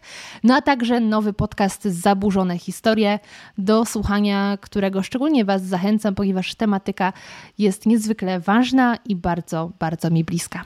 To wszystko z mojej strony. Bardzo Wam dziękuję i do usłyszenia już niedługo.